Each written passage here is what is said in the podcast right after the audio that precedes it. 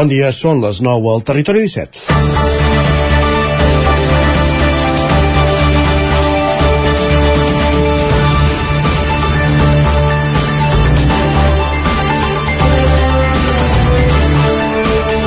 Més escoles, més hospitals i més feina. És el missatge que Pere Aragonès va repetir de forma insistent dijous, ho vam sentir en directe, en la compareixença posterior a l'inici de la tramitació d'uns pressupostos pactats amb el PSC i els comuns. Els comptes superen els 41.000 milions d'euros i disposen d'una majoria suficient perquè passin els tràmits en un temps rècord. El 14 de febrer es votaran les esmenes a la totalitat i la votació definitiva està prevista pel 10 de març. Aragonès ha allargat la mà a Junts, que va ser qui va començar l'elaboració dels comptes quan Jaume Giró liderava la conselleria, perquè s'hi pugui sumar durant les tres setmanes que durarà la tramitació.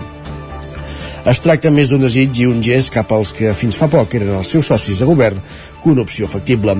Els de Borràs i Turull ja no són imprescindibles per aprovar uns pressupostos que donen oxigen al govern d'Aragonès i a Junts ja li va bé la fotografia d'Esquerra donant-se la mà amb Salvador Illa per poder acusar-los d'haver acabat amb la majoria del 52%. Esquerra ha assumit un risc elevat de desgast en la gestió del govern empassant-se el gripau de les grans infraestructures que el PSC posava sobre la taula per a venir-se a aprovar els comptes, el quart cinturó, l'aeroport i el Hard Rock. Una vegada més, els pressupostos de la Generalitat demostren com Osona va perdent pes a la Catalunya central davant del Bages. La inversió prevista a Osona, malgrat que hi ha una partida per un equipament de país com és la plataforma prima que es construirà a GURB per avançar cap a un canvi de model energètic, no arriba a una tercera part del que rebrà el Bages. En els últims pressupostos era pitjor. S'invertia una quarta part i era la comarca catalana on menys diners s'invertiran per nombre d'habitant. Falten més diners per posar al dia l'Hospital Universitari de Vic perquè sigui una referència a la Catalunya interior. L'Hospital de Sant Joan de Déu de Manresa rebrà en 3 anys 16 milions i el de Vic poc més de 6 i també per fer més competitiva la universitat.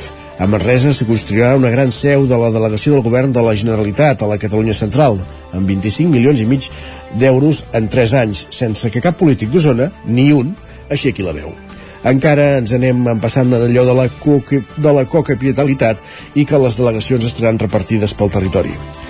Sí, sí, els pressupostos preveuen més escoles, més hospitals, més feina, però on? És dimarts, 7 de febrer de 2023. En el moment de començar el territori 17 a la sintonia d'Ona Codinenca, Ràdio Cardedeu, La Veu de Sant Joan, Ràdio Vic, el 9 FM, i també ens podeu veure a través del nou TV, Twitch i YouTube. Territori 17.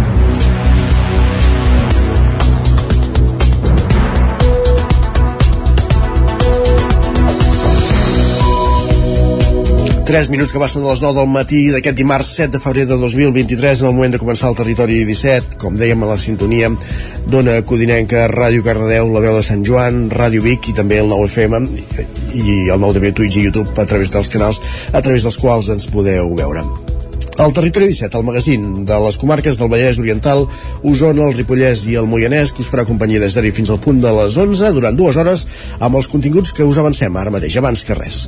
Primer de tot, en aquesta primera mitja hora ens dedicarem a repassar les notícies més destacades de les nostres comarques. Avui, pendents del cel, ens ho explicarà també en Pep Acosta, quina és la previsió meteorològica per a aquest dia? Abans també d'anar al quiosc amb en Sergi Vives a veure quines són les portades dels diaris d'avui. A dos quarts de 10 en punt serà moment de pujar a l'R3 a la tren d'Alba amb l'Isaac Muntades des de la veu de Sant Joan recollint les cròniques dels oferts usuaris de la línia. I a l'entrevista anirem fins a una codinenca amb en Roger Rams per conversar amb Joan Bosch, director musical de la formació Flaustaff de Caldes de Montbui. També ens acompanyarà avui, com fa un cop o més cada dimarts, a Manel Dot, per fer el repàs del que ha estat meteorològicament parlant el mes de gener, però segurament és més interessant que ens expliqui també que aprofundeixi en el que ens espera aquesta setmana. Ha dit que depèn com hauria de venir amb esquís. Per ara encara no s'ha vist cap volva de neu a, a Vic, si més no. Més qüestions. El Ripollès sí, eh? el Ripollès cap a la vall de Camprodon ja hem vist que, que comença a agafar la neu. Arribarem al punt de les 10 en música, com cada dia, a les 10 notícies, les més destacades de les nostres comarques, la previsió del temps i a l'espai d'economia. Com cada dimarts, en Joan Carles Arredondo avui ens parlarà dels beneficis rècord de la banca. Una qüestió recurrent de cada any Mm, cada any apareixen els beneficis i cada any tots sabem què suposa moltes vegades tractar amb la banca. En parlarem, com dèiem, a l'espai d'economia a partir d'un quart d'onze a dos quarts. Moment de dedicar-nos al món de Twitter i acte seguit al Territori Dona, avui amb la Maria López, des de Ràdio Televisió Cardedeu, el Txell Vilamala, des del 9FM parlant de violència obstètrica. Aquest és el menú del Territori 17 d'avui, ara que passen 5 minuts de les 9 del matí. Arrenquem, com dèiem, amb les notícies més destacades de les nostres comarques, les comarques del Vallès Oriental, Osona, el Ripollès i el Moianès.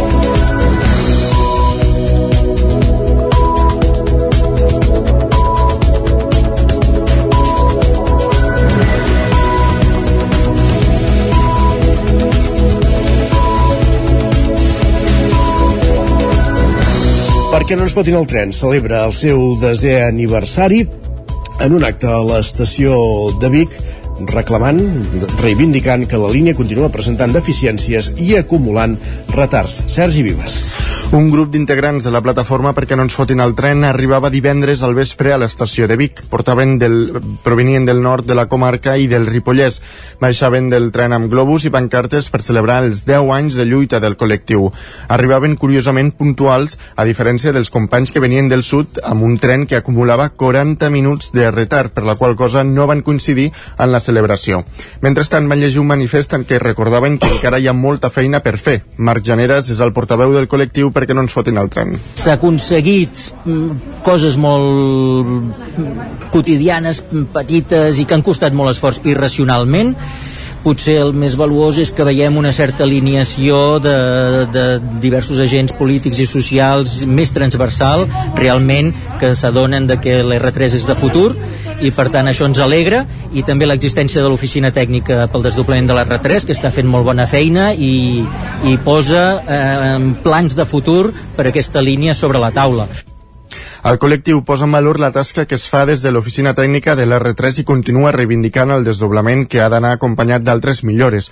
Ho explica Generes i Jordi Plana de Cursac, representant de la plataforma El Ripollès Existeix. El desdoblament és potser la millora d'infraestructura simbòlica, que és la base de, de poder créixer i de poder-se actualitzar, però per si sol no és res. Sobre una via desdoblada podria seguir el servei igual de deficitari, però hi ha moltes coses funcionals, d'informació, de seguretat, de confort, de longitud longitud de trens, per capacitat, hi han moltes, moltes coses. Tot el que guanyi fins a Vic és bo, però per nosaltres la línia de tren és una línia de tren que, que té de ser l'aspiració en què va néixer inicialment, que era un transpirinenc de comunicar internacionalment i pensem que tenim oportunitats perquè això passi.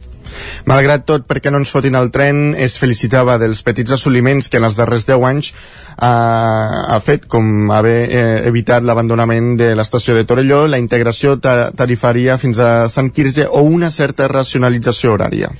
Més qüestions, les línies Ai, el Departament de Territori ha incorporat una expedició més a la línia 476, estem parlant de línies d'autobús interurbà operada per Segalés, que enllaça Vic, Prat de Lluçanès i Berga. Una altra de les novetats per part del grup és la compra de la companyia bigatana Comas Olives. El Departament de Territori ha incorporat canvis a la línia 476 que enllaça Vic, Prats de Lluçanès i Berga, operada per Segalés. Des de mitjans de gener, les expedicions de Vic a Prats han passat d'una a dues. Surten de Vic a dos quarts i, i 5 de 8 i a dos quarts d'una i de Prats a les 8 i 10 i a la 1 i 5. També la setmana passada es va endarrerir la primera sortida de Vic en direcció a Berga fins a les 7 menys 10, que fins ara era a dos quarts de 7. Alguns usuaris d'aquesta línia, com la Maria Lourdes Casa Sant Pere, creuen que un major nombre d'expedicions ajudaria a les persones que treballen a Vic a apropar-se a la ciutat sense tenir la necessitat d'agafar els seus vehicles. El jovent venen molts a treballar a Camp Tarradellas i venen amb els seus cotxes, però la gent que treballa i per això sí que podria millorar millor. La comunicació amb transport públic entre la capital osonenca i els municipis de la resta de la comarca és clau, sobretot per a poder arribar a l'hospital o als diferents centres sanitaris. Un altre usuari habitual és l'Illat. El jove afirma que els horaris actuals d'aquesta línia no són compatibles amb les necessitats dels usuaris ja que coincideixen, eh, ja que condicionen les eh, gestions que han de fer quan arriben a Vic. Perquè normalment entre setmana baixa molta més gent i doncs els busos d'anada i de tornada són molt pocs. I, i per exemple si vols fer més coses aquí no et dona gaire temps de res Una altra de les novetats és la compra de la companyia bigatana Camasòlives per part del grup Sagalés. D'aquesta manera, l'empresa vallisana integra la seva estructura els set treballadors de Camasòlives, la flota de cinc vehicles i la concessió de les dues línies de transport interurbà que explotava, la de Vic Folgueroles Sant Julià i la de Vic Folgueroles Vilanova de Sau. Uns canvis que l'usuari no ha de notar en referència als horaris, les freqüències i els vehicles. Més qüestions el Consell Comarcal del Moianès estudia la viabilitat de crear una comunitat energètica al polígon industrial de Castellterçol. Roger Rams, zona codinenca. El projecte és finançat amb fons europeus del projecte European City Facilities. Sonsoles Letan, consellera comarcal de l'àrea de Medi Ambient i Territori del Moianès, explicava que de moment es farà un estudi de viabilitat. Ara estem en una fase conceptual, de fet per això ara contractem tots els, els treballs de consultoria eh, el que implica és la proposta de creació d'una comunitat d'usuaris de veïns, que serien tots els que estarien, eh, en varien beneficiats eh, d'aquesta comunitat energètica, eh, una proposta d'aproximació de projecte tècnic, que seria un estudi de viabilitat, i també eh, una cosa que es demana a Europa, que és molt important, és un business plan, si el projecte fos viable, haurien de ser les mateixes empreses del polígon industrial de Castellterçol qui haurien de prendre la decisió de tirar endavant amb el projecte i finançar-lo, tot i que, des del Consell Comarcal, donaran suport per trobar subvencions de diferents institucions. La proposta es faria als diferents polígons industrials de la comarca. Sí, exacte, això també seria molt novedor perquè en polígons industrials i comunitats energètiques locals com a tal n'hi ha eh, a Catalunya n'hi ha poques, sobretot en, en, en termes elèctrics, és a dir, una comunitat energètica amb un polígon industrial pot tenir la part elèctrica, de producció elèctrica, però també la part tèrmica. Nosaltres ara no entrem a la part tèrmica, seria només eh, l'àmbit elèctric, aquest és el segon estudi finançat amb fons europeus en matèria de transició energètica després d'iniciar l'anàlisi de viabilitat del projecte per instal·lar una planta agrovoltaica als cellers de Santa Maria d'Oló. Gràcies, Roger. Més qüestions, tornem a Osona, perquè un parapentista va resultar ferit greu aquest diumenge a causa de l'accident que va patir al Matagalls. Va ser traslladat a l'Hospital de la Vall d'Hebron de Barcelona. En les tasques de rescat hi va participar un helicòpter medicalitzat i un equip conjunt de bombers i del sistema d'emergències mèdiques. Els serveis d'emergències van rebre l'avís aquest diumenge pels vols d'un quart de cinc de la tarda. També aquest diumenge hi va haver el rescat d'un excursionista amb una lesió al maluc a Sant Feliuet de Sabassona. Els bombers bombers, d'altra banda, també van treballar en l'extinció d'un incendi de sotabosc que va eh, afectar un perímetre de 2.500 metres quadrats al coll de Sallo, se, al coll de Sallosa, a Rupit i Pruit. I diumenge al vespre van atendre a Gurb 24 passatgers que van haver de baixar de l'autobús en el que viatjaven eh, per un incendi al vehicle que va pagar el mateix conductor. No hi va haver ferits. Més qüestions. Un centenar de persones es van manifestar aquest dissabte a Torelló contra els feminicidis convocades per Junta Som Revolució i la CUP de Torelló. Sota lema Prou dones assassinades van concentrar-se a la plaça de la Vila des d'on van començar un recorregut pel centre del poble. Prou dones assassinades és el lema de la concentració que dissabte el col·lectiu Juntes Som Revolució va convocar a la plaça de la Vila de Torelló amb la col·laboració de la CUP.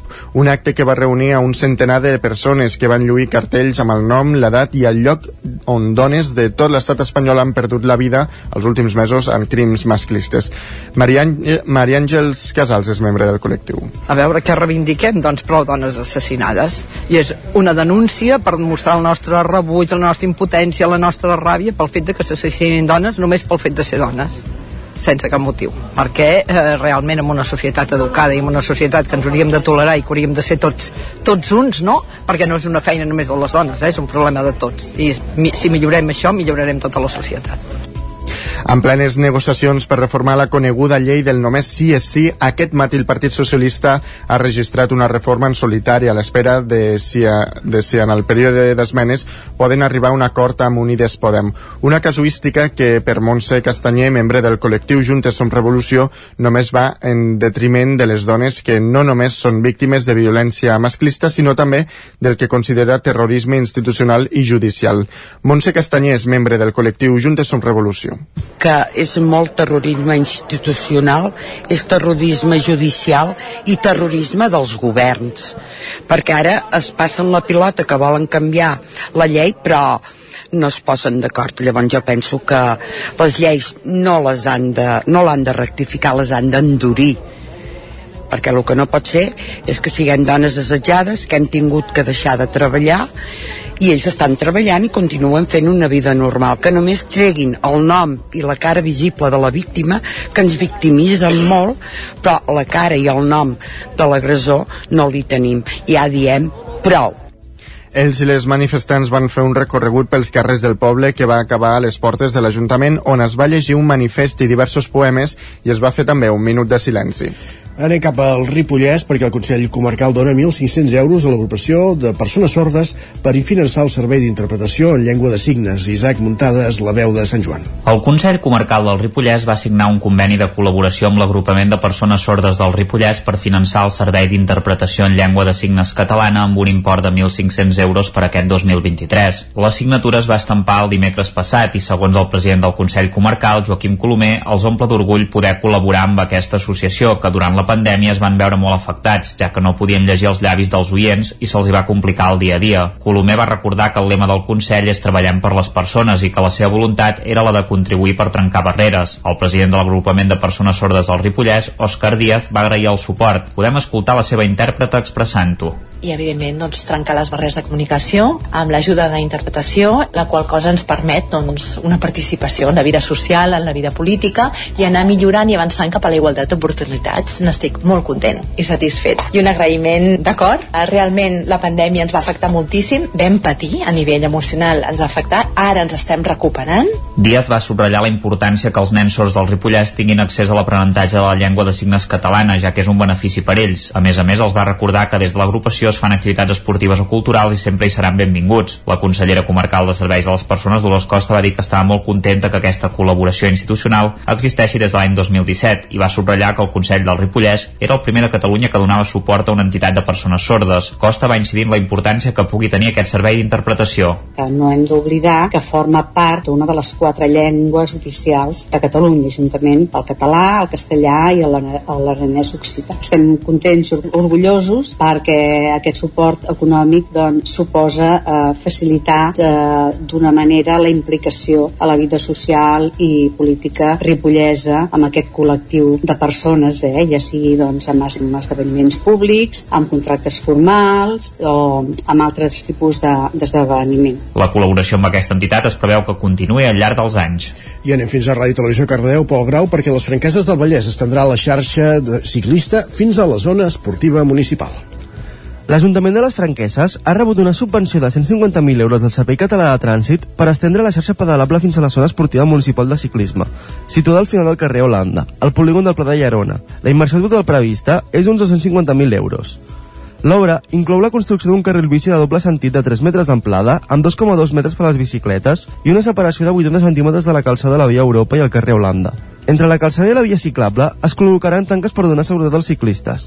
En concret, es farà tot l'est de la via Europa des del Gual de Calforcaire fins a l'altura del carrer Bèlgica i donarà continuïtat a l'itinerari del passeig de la Ribera al terme de Canovelles. Se situarà l'espai que actualment ocupa la línia d'aparcaments entre la zona verda i els carrils de circulació. El carrer Holanda se situarà al costat sud de la calçada i tindrà les mateixes dimensions. Aquí, l'obra obligarà a reduir l'amplada dels carrils de circulació a 3,35 metres d'amplada. Aquesta intervenció està prevista al Pla Estratègic de la Bicicleta que té l'Ajuntament de les Franqueses i forma part de la fase 1 del seu desplegament, igual que el carril bici des de l'Ajuntament cap al sud del lit dels carrers Tagamanent i Sallecs fins a Granollers.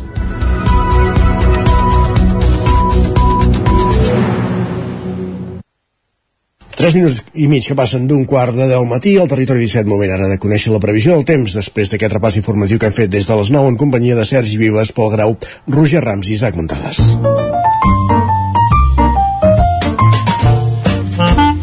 Casa Terradellos us ofereix el temps. Ja sabeu que al territori 17 el temps és cosa d'en Pep Acosta. Avui el tenim més eufòric que mai. Anem fins a una codinenca. Pep, bon dia. Hola, molt bon dia. Què tal? Per fi tenim una mica d'estabilitat. Per fi, per fi, per, per fi. fi una llevantada.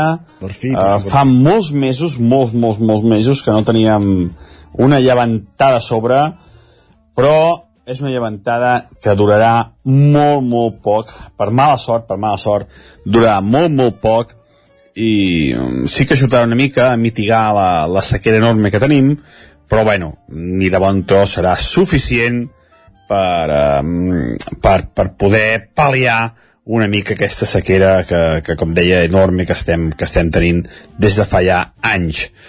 Um, atenció que comportarà aquesta llevantada. El, el més important i el més eh, espectacular segurament serà el temporal de mar. Temporal de mar eh, que si us acosteu a la platja amb precaució eh, Uh, però bé, no, jo, jo crec que hi haurà molta gent que anirà a mirar les onades perquè seran espectaculars, uh, jo mateix hi vull anar-hi.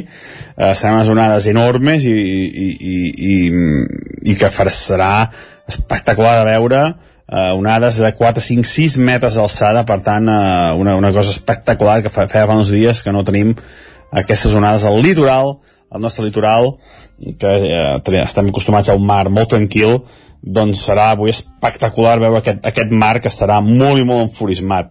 Um, per fi pluja. Hi han diversos avisos al Servei Meteorològic de Catalunya de la pluja que caurà sobretot cap al nord-est, de les nostres comarques en efecte de ple, el Vallès, Osona i Ripollès. Pluja que es pot acumular entre 50 i 100 litres. Per tant, molt bona notícia en aquesta zona.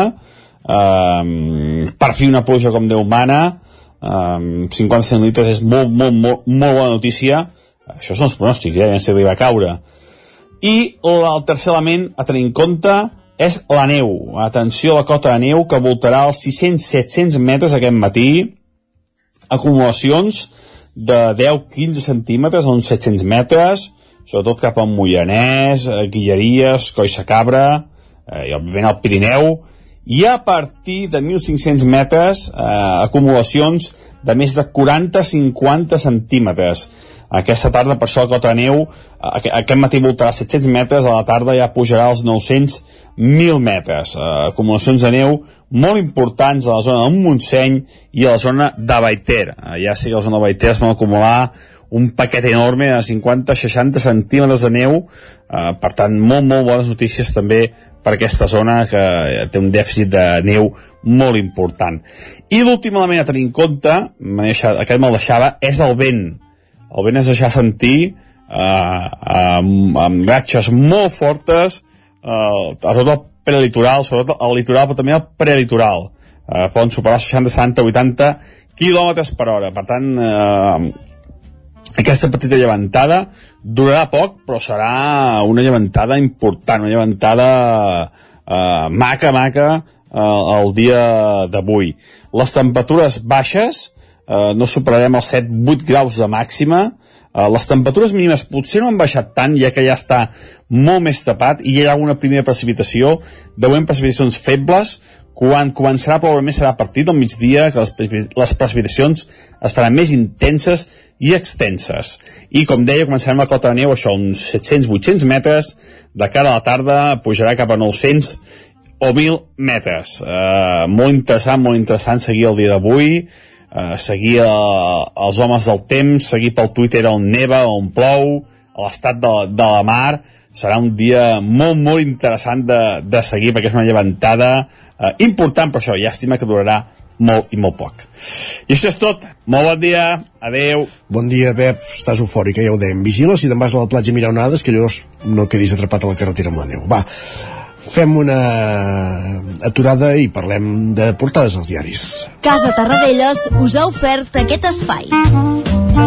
Perquè després del temps és hora d'anar al quiosc Sergi Vives per repassar quines són les portades dels diaris d'avui. Avui és dimarts, comencem per... Pel punt avui, que encapça la portada amb el doble terratrèmol, diuen que dos sismes de gran magnitud sacsegen Turquia, Síria i el Kurdistan una catàstrofe que supera els 3.600 morts, milers de ferits i centenes de persones atrapades. I la xifra d'afectats que, que continua pujant, déu nhi la tragèdia que hi ha en aquesta zona asiàtica. Per altra banda, expliquen que el conseller Fernández, que és el de Territori, evita valorar el projecte de la B40. Recorda que no figura en el pressupost, però el PSC li replica que sí en l'estatal votat per Esquerra. També diuen que el PSOE tira pel dret i vol modificar tot sol la llei del només sí és sí. Esquiva el Ministeri d'Igualtat i Podem, que hi veu el Codi Penal de la Manada. El periòdico diu que el PSOE, el PSOE desaire Podem i fia al PP al futur de la llei del sí a sí. Diuen que el PP facilitarà el canvi però no aclareix si votarà a favor o s'abstindrà. També expliquen que la Generalitat lliga 620 milions en inversions de multinacionals estrangeres. També destaquen que l'escassetat d'aliments porten els soldats russos a menjar carn de gos. Qui? Els soldats Els soldats russos. La Vanguardia destaca els milers de morts que hi ha hagut al devastador terratrèmol de Turquia i Síria. Un testimoni diu que va durar tant que vaig pensar que la terra s'obria i se'ns en passaria. Parlen de dos minuts, eh? Ha de ser un infern, eh? Sí, sí. Les persones que no, no han viscut mai Sí, sí. aquest tipus de... Um, també diuen que el PSOE fa el pas per canviar sense Podem la llei del sí és sí. Els socis mantenen posicions enquistades, però asseguren que l'executiu no es trencarà. També destaquen que un tribunal no rebaixa la pena a un dels membres de la manada. Lara assegura que el terratrèmol s'ha produït en la regió més castigada per la guerra a Síria. També diuen que el Ministeri d'Igualtat no sabia que el PSOE presentaria ahir la reforma del només sí és sí. També destaquen que el govern català ha captat més inversió estrangera que mai. Diuen que s'asso- s'asso- s'assoleix la xifra de 620 milions, un 85% eh, del el sector industrial. També expliquen que hi ha expectació a Xile per saber si Neruda va ser assassinat. Diuen que es torna a ajornar el veredicte d'un grup d'experts sobre el cas. I anem cap a Madrid. El país destaca la devastació a Turquia i Síria. Diuen que els sismes de 7,8 i 7,5 graus destrueixen milers d'edificis i es busquen eh, desapareguts entre les ruïnes. Encara ha llançat una petició urgent d'ajuda internacional a la que han respost Estats Units i la Unió Europea. L'ABC també eh, de, mm, des, dedica íntegrament la seva portada a l'horror i l'esperança entre les ruïnes. Diuen que Turquia i Síria llancen crit d'auxili per rescatar milers de cossos sepultats. El Mundo diu que el PSOE restitueix la violència sexual després de quatre mesos de rebaixes. Expliquen que ha trencat amb Montero i han presentat en solitari la reforma del CSC. Repassats els diaris, tenim 10 segons. Algun titular de digital? Sí, doncs al 99.cat d'Osona del Ripollès diuen que les botigues d'animals reclamen que la futura llei no incorpori una regulació per a la venda a través d'internet. Gràcies, Sergi. Fem una pausa i tornem d'aquí 3 minuts amb més continguts aquí al Territori 17. El nou FM, la ràdio de casa, al 92.8. Al forn de pa i pastisseria Glina hi trobareu una gran varietat de pans de producció pròpia amb farina de blat i de molts altres tipus, tots elaborats al nostre obrador.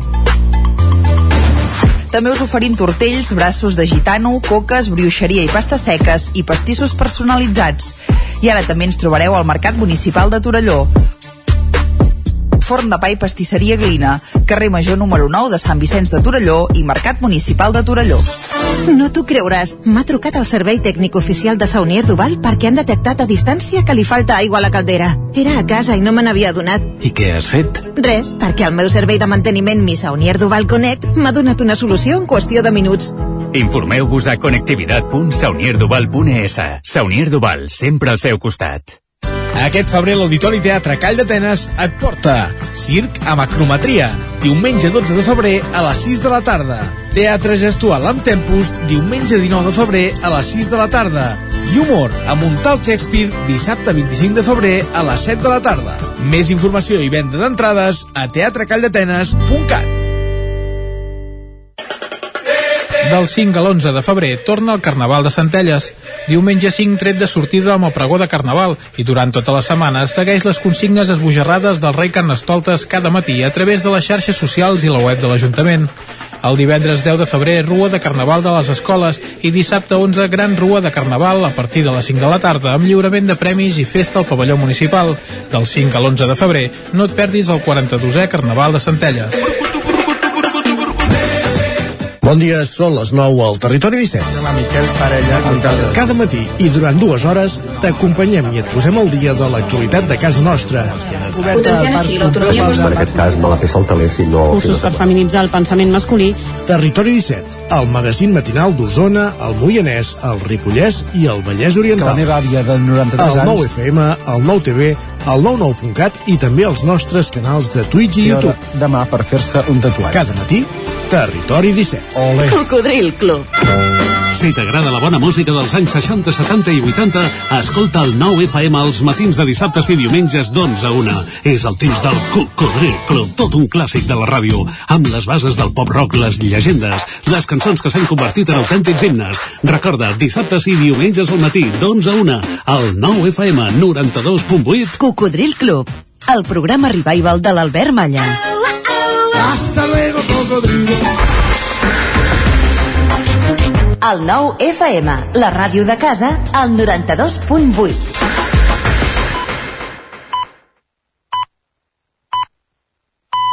Territori 17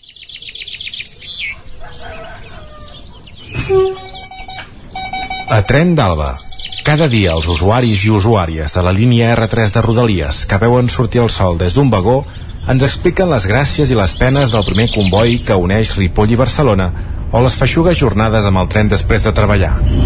Benvinguts a Tren d'Alba. Sabeu que des d'aquest dilluns ha començat una nova fase de les obres d'implantació de l'ample estàndard entre Martorell i Sant Vicenç de Calders en el marc del desenvolupament del corredor mediterrani a Catalunya? Aquests treballs es localitzaran al voltant de l'estació de la Granada i consisteixen en l'adaptació a l'ample mix de les vies 1 i 2 i el muntatge d'aparells de via ample mix. Així mateix, s'hi duran a terme actuacions en el sistema d'electrificació i instal·lacions de control, comandament i senyalització. Paral·lelament, a l'estació es prolongarà la longitud de les andanes, se'n renovarà la pavimentació per adaptar-les a persones de mobilitat reduïda i es construirà un nou pas inferior dotat de sensors entre les dues andanes renovades, la qual cosa millorarà l'accessibilitat per als viatgers d'aquesta estació de la comarca de l'Alt Penedès. Demà us n'explicaré quines modificacions ha patit la línia R4, però abans anem a la seva germana petita, l'R3, que sempre pringa. Bon dia, sóc en Jordi de Centelles. Avui el tren ha arribat 11, 12, 13, 14 minuts tard. No ho sé, gairebé eren dos quarts de vuit. Quin rotllo això d'anar tard. Ahir la pujada està molt bé, perquè vaig pujar amb el Puigcerdà de les 16.37 plaça Catalunya cap a Puigcerdà, per cert, amb seients còmodes, ja tocava, i vaig descobrir quina és la patrona de Rodalies, Santa Maria de Rodalies. Fotia una, una olor a Maria i a porro la gent entre que fumava, la gent que portava. Ens miràvem tots i totes, eh, els més habituals, i dèiem, què està passant? Sí, sí, era un, va ser un tren, una tornada una miqueta Maria. Jo crec que si feien entrar un gos aquells policies que busquen droga, eh, hagués mort de col·lapse, perquè va ser bastant exagerat. Ho comento a casa sopant i la meva filla em diu no, no, si el tren és habitual, si vols Maria el trobes al tren. Des de que els bitllets, em deia ella, els bitllets són gratis i fa fred, la gent trafica el tren. I jo, perdona? Ho comento al tren amb les meves companyes i una, una explica el relat de que eh, seia a prop del lavabo i era habitual de trobar gent que entrava i sortia del lavabo deixant paquets i després també trobar els gossos que vigilaven i vetllaven amb els de seguretat. Persones de seguretat que han desaparegut, s'han esfumat. De, bueno, hi ha interventors i interventores, jo crec que ja és a Pleistoceno allò. Santa Maria de Rodalies ens protegeixi la setmana i fins a la setmana propera. Adéu-siau. Alabada sí a Santa Maria de Rodalies. Així ja sabem que els trens són nius de drogues, només ens faltava això. A veure, quan jo hi anava també se sentien olors d'herbes aromàtiques, però pel que ens expliques, el tràfic de drogues es deu haver multiplicat. I mira que és fàcil trobar algú que fuma porros en un tren. No té escapatòria mentre el tren està en marxa i tampoc es triga massa a recórrer els vagons. Ara, quan arribeu a casa, no oblideu fer-li una ofrena a Santa Maria. En fi, ens retrobem demà amb més històries del tren i de l'R3. Santa Maria de Rodalies. 3 minuts que passen de dos quarts de 10 del matí. Territori 17, el 9 FM, la veu de Sant Joan, Ona Codinenca, Ràdio Cardedeu, Territori 17.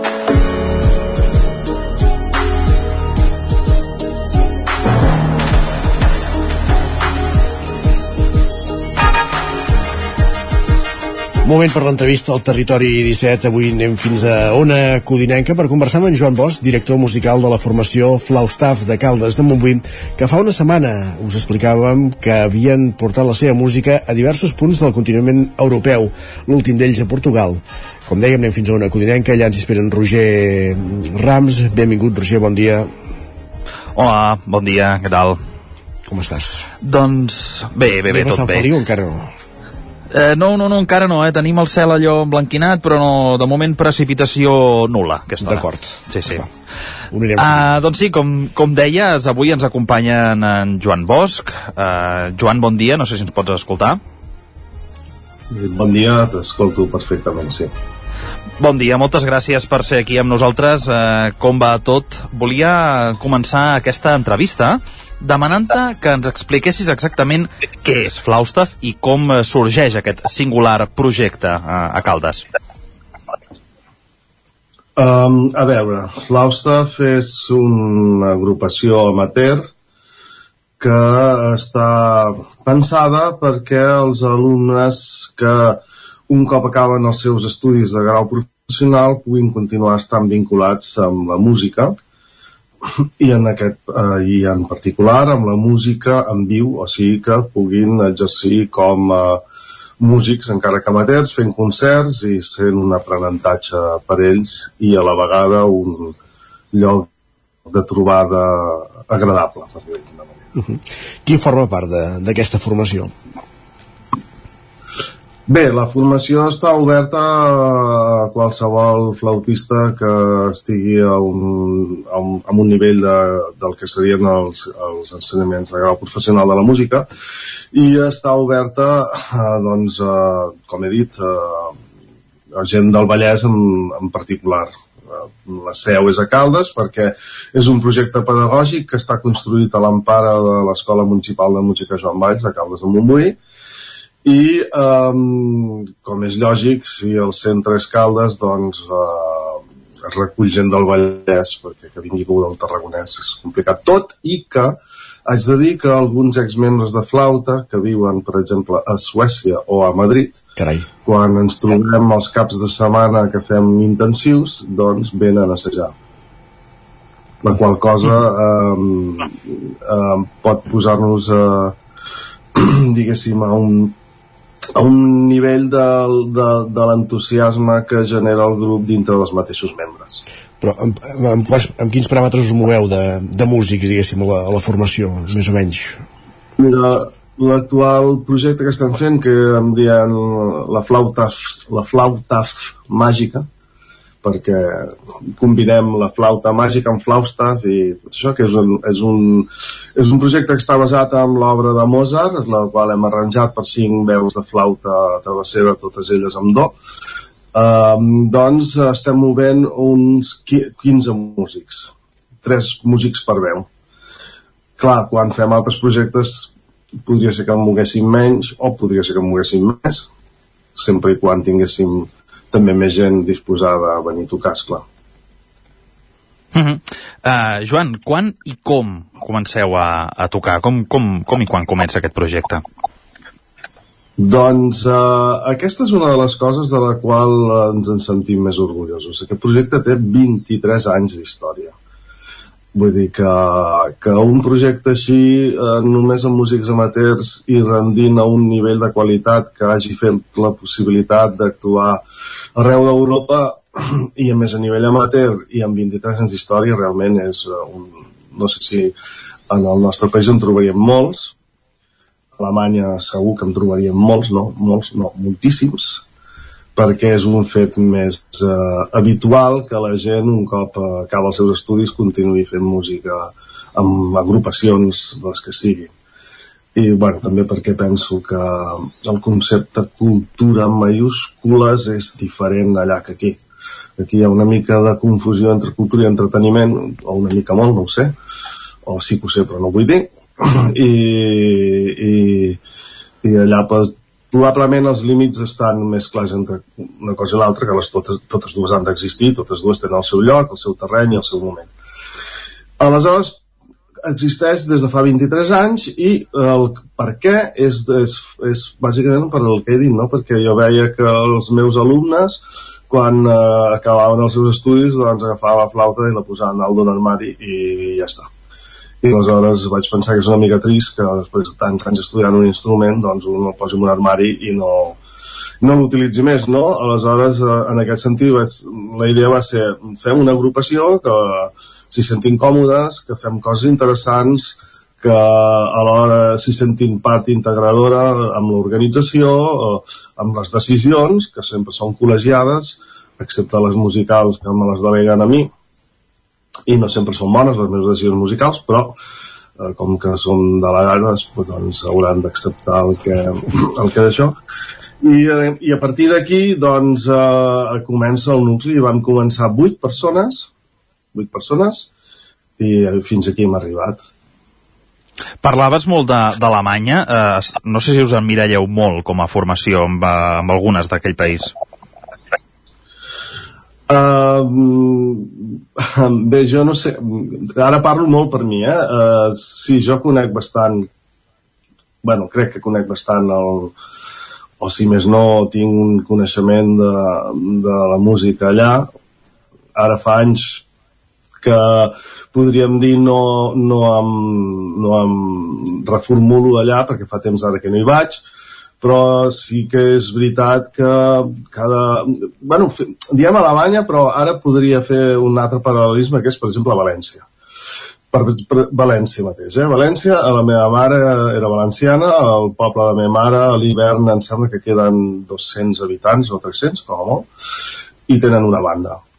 Una banda que assaja cada dissabte i que toca i que fa concerts, no? Aquest és el model per mi.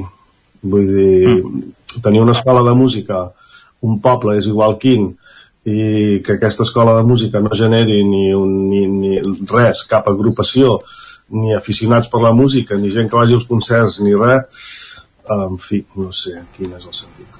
Home, ara eh, comentaves que té 23 anys la, la formació, però quan fa que comenceu a tocar tant dins del país com, com a l'estranger? Perquè n'heu fet alguna que altra sortida. Sí, a veure, clar, els inicis els inicis doncs són inicis per tothom, oi? No cal, penso, esplaiar-s'hi gaire, tothom sap quan es comença un projecte com el que pateixes, el que has de treballar-hi, el que has d'invertir-hi, etc. Però clar, arriba un cert moment Uh, sí, que la primera sortida va ser a Alemanya, precisament, a Taunstein, que és una, una població germanada en Cales de Montbui, i a partir d'allà, doncs, clar, el fet de, de veure que pots tocar amb un grup que alhora et permet sortir a fer sortides del grup i aquestes sortides siguin a l'estranger i coneixes coses noves, això comença, clar, motiva. El fet que motivi fa que també vingui la gent amb, tu diguis, escolta, m'hauríem d'assajar més. Vale, vinga, som-hi. Um, i a poc a poc doncs uh, després uh, intercanvis amb Suïssa, amb Andorra um, amb, amb altres parts i sobretot el, el, jo crec que el, el boom definitiu esdevé d'una d'una idea boja que, que jo hi estava totalment en contra, que és presentar-se un concurs a Nissa, França. Bàsicament perquè, clar, ells, ells elles, ells i, i no binaris um, um, no, mai s'havien presentat a un concurs de música ni saben el que era ni, ni res, no? I jo, de, per la meva professió, sí que m'he hagut de presentar, aleshores conec una mica el terreny, i els deia, no cal, no cal, però si ja ens ho estem passant bé, no, que no, que sí, que volem anar-hi, que, que no fa falta, home, que, que ja fem projectes xulos, que estem tocant, que sí, que sí, que sí. Bé, en definitiva, al final vam acabar anant-hi i, i ens en vam d'un segon premi. I, bueno, jo vaig... Uh, sí, va, bueno, vaig estar molt content, les coses com sigui. Quin és el... A part de flipar, que hagués aconseguíssim un segon premi sent amateurs, eh, perquè, perquè clar, érem, érem probablement l'única formació que tots els membres eren amateurs probablement, eh? no ho vaig preguntar però es veu, s'olora, bueno, coneixes el món, etc etc. no? i tu un segon premi home, jo vaig a en fi, molt content per ells, molt perquè això també a partir d'aquí va haver-hi com es diria en castellà, un despegue del grup molt important. Uh -huh. És el millor moment que recordes um, o més efecte recordes el cant de, davant de Flaustaff o n'hi ha hagut d'altres? Ui, n'hi ha molts. És, uh... Clar, és un projecte que jo començo per donar sortida als alumnes i a la llarga és, és un projecte on ja hi he fet amics, eh, exalumnes que ara són, bueno, sí, sí, és clar, són exalumnes, oi? o alumni, com ni vulguem dir, eh, però clar, ja són amics, gent que, com he dit, mm, inicialment, clar, jo decidia per aquí, per allà, no? però ara tot és bastant col·legiat, eh, hi ha gent que s'encarrega d'àrees determinades, eh, um, hi ha moments molt xulos molt, bueno, ara, aquest moment, per exemple, l'últim moment, aquesta actuació a Portugal va ser un moment xulíssim perquè veníem, teníem un espectacle molt bo que era uh, reinterpretant Vivaldi on combinàvem circ música, música moderna amb un trio de veu, guitarra elèctrica i, ai, perdó, un duo amb veu, guitarra elèctrica, saxo i clarinet, que, o sigui, l'espectacle de Vivaldi era sobre... Nosaltres tocàvem la música de Vivaldi en Flagstaff i eh, igual que Vivaldi li havia posat música a uns sonets, doncs aquest grup va posar una música nova en els sonets de Vivaldi. No? Aleshores, abans de cada estació, aquest grup cantava el sonet i després nosaltres tocàvem la música de Vivaldi darrere, vestida de circ, teatre, era brutal. Va venir la pandèmia, ens ho va, bueno, en fi, com, bueno, no cal queixar-se perquè altra gent es pot queixar més perquè ha perdut familiars, feina i altres coses, no?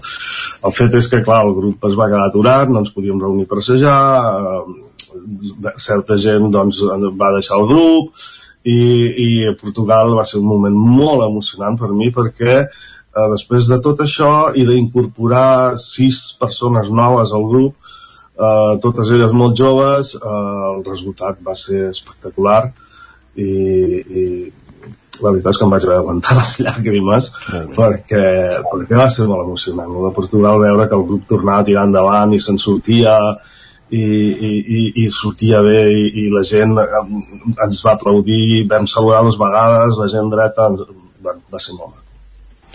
Ja per acabar eh, quina és l'agenda prevista per, per d'anar endavant diguéssim concerts previstos, gires?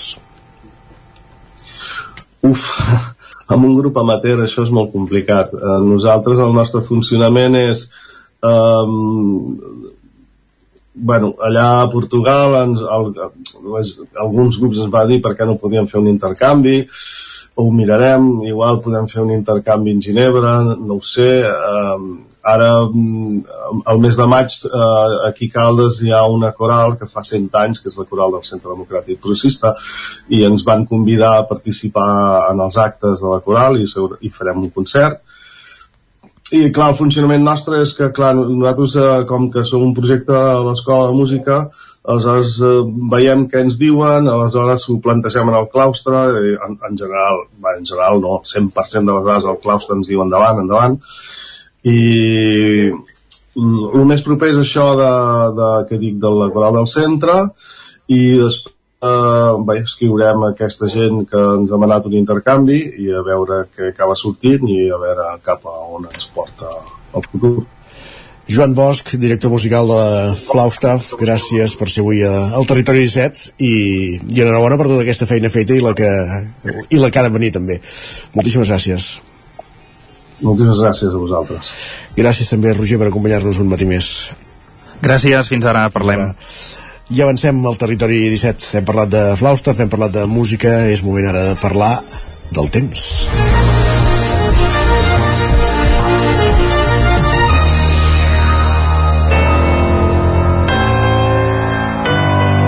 Territori, Territori 17. 17. Territori 17.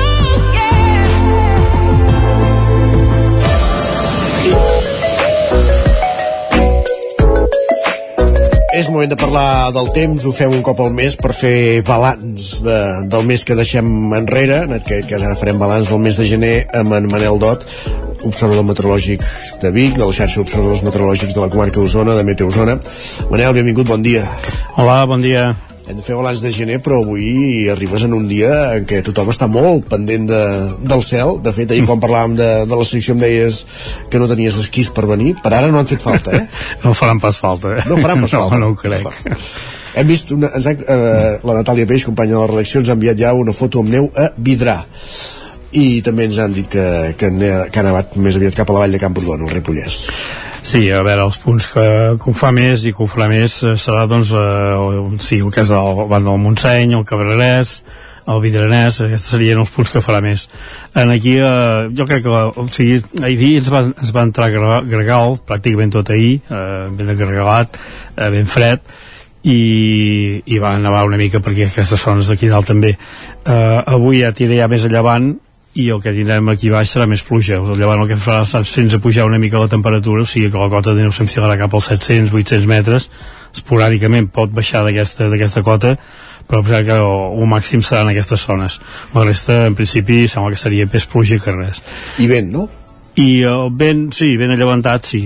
També també apretarà uh -huh. no molt però sí que ho farà uh -huh. I pluja, parlem de, però de plu- pluja intensa, perquè ja parlàvem de molts litres, he sentit aquest matí. i fins i tot algun tro, eh, alguna tempesta. Eh, bueno, afectarà sobretot més per això a la banda, quan ens ve, quan les llevantades ens venen de, del cantó de llevant, a la, a la banda de, de l'Empordà i ve cap aquí, eh, generalment tota la, la pluja o neu o que sigui es queda, es queda més cap a la banda de, del Cabrerès, Cabrerès, Montseny i Vidranès és el que afecta més.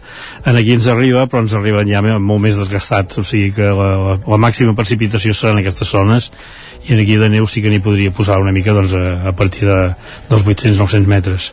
I això serà més al llarg del dia, cap a, partir del migdia, més o menys, quan es preveu. Doncs està entrant, està entrant per llevant, eh, estava ja pràcticament fregant eh, o sigui, la serrada transversal, o sigui que jo crec que a mig matí ja pot començar a provisquejar o ploure aquí. De fet, ja, ja han caigut quatre gotes i estava nevant a dalt eh, fa una estoneta de la Cabrera, eh, Cabrera, perdó, a Cantoni Gros, eh, tal com deies, a la banda del Vidranès, també, o de Siuret, totes aquestes zones de per aquí sí que és fàcil de que nevi, però eh, més avall jo, jo crec que per sort o per no sort doncs no ho farà. Eh, ens arriba una llevantada, feia temps que no, no la veiem, s'allargarà durant molts dies aquesta setmana, com, qui, què, què et diu el cel ara mateix? No, la part més activa és avui. A partir d'avui ja queden, quedaran restes. És que és, és una mica complicat, perquè també podria recular i tornar tornar-se a reactivar, però en principi el que marca fins ara és eh, la, la part més activa avui, de matí tarda i vespre, demà hi ha menys, hi ha poca cosa i el dijous menys. Eh, llavors eh, el que farà serà baixar les temperatures, això ja és lògic i si han nevat als voltants encara més. Eh, en principi la part més activa, tal com deia, seria avui. Doncs anirem seguint l'evolució ara quan comentaves el tema de la baixada de les temperatures perquè eh, el cap de setmana vaig estar per la zona precisament que comentaves ara de Can Toni Gros, el Cabrerès allà encara hi ha restes de, de neu de la nevada de fa 15 dies diguéssim. clar, va nevar no, han pujat, no, no, no, no, no hi ha hagut temperatures altes i es va mantenint el glaç Bueno, sí que hi ha hagut temperatures altes. Precisament eh, el que hem tingut eh, aquests últims dies eh, temperatures extraordinàries, o sigui, unes inversions tèrmiques, però, però bestials el que és a muntanya i el que és a les valls. A les valls amb, amb 5, 6, sota 0, eh, ja no contem pas a baix Bujons, perquè allà, allà s'enfilen molt més, la- puja, baixen molt més les temperatures, però és que, per exemple, la, dissabte al vespre, a l'estació de dalt a Cabrera, al santuari que tenim a dalt a Cabrera, ens marcava 11 graus positius, o, que eren quarts d'11 de la nit, o les 11 de la nit, Carai. I a baix a Rupit marcava un sota zero. Aquesta neu que, que sí que, que s'ha quedat a les zones bacs eh, s'ha mantingut, allà on allà hi va fer uns 10-12 centímetres, l'última vegada que va nevar, eh, s'ha mantingut en les zones bacs, però temperatures, ja et dic que eren bastant, bastant, bastant altes i, i bastant extraordinàries en el que és també amb les humitats. Humitats, per exemple, a Bellmunt o aquí de la Cabrera doncs, tenien 7-8 grau, eh, 7-8 eh, d'humitat quan aquí baix estava el 90-92% d'humitat. Vull dir que tant amb temperatures com amb humitat les inversions eren bastant, bastant fortes. Ara sí, fem balanç d'aquest mes de gener que deixem enrere, què, què en podem destacar? Destacar, doncs, que estàvem acostumats a tenir temperatures altes, eh, temperatures de, de 2-3 graus per sobre de les mitjanes de les que tocarien els altres mesos, i el mes de gener es va fer el que fa un mes de gener, doncs, fred, i fred que no ens en recordem però l'any passat també va ser un mes així més o menys eh, destacar doncs per exemple aquest mes de, de gener parlant de- de- d'aquest del 22 eh, perdó, el 23 23. amb 28 dies sota zero que vam tenir de- de d'aquests 28 dies 16 dies eh, o sigui, per sota de, del 5 sota 0 o sigui Molta temperatura baixa. sí, sí, va ser molt baixa eh, les màximes vàrem tenir doncs, de l'1 al 4 d'entre 14 i 17 graus i l'últim última setmana també del 26 al 30 doncs, eh, bueno, que van ser màximes de 18 a 19 graus que van ser màximes doncs, eh, molt altes que van regular una mica el que és les temperatures. I al final ens vam quedar-nos doncs, eh, si la mitjana del mes de, de gener eh, el salt a la plana de Vic o en aquest cas de Vic és de 4 graus eh, ens van quedar amb 3,9 pràcticament la mateixa mitjana que vam tenir l'any passat. O sigui, eh, la gent diu oh, ha fet molt fred aquest any pel mes de gener que era un fred extraordinari. Doncs no, eh, va ser el fred normal que toca i un total una dues dècimes per sota del que li tocarien. El mateix va passar per exemple a Prats de Lluçanès. Ens van quedar eh, tres dècimes per sota de, de la mitjana, però bueno, va ser un mes de gener, jo diria, normal. Mm. El que sí que és veritat és que hi havia molta diferència tèrmica entre el migdia i el matí, perquè al matí, si més no aquí a la plana, a les zones més fondes, eh, continuaven baixant temperatures sota zero i llavors al migdia s'enfilaven.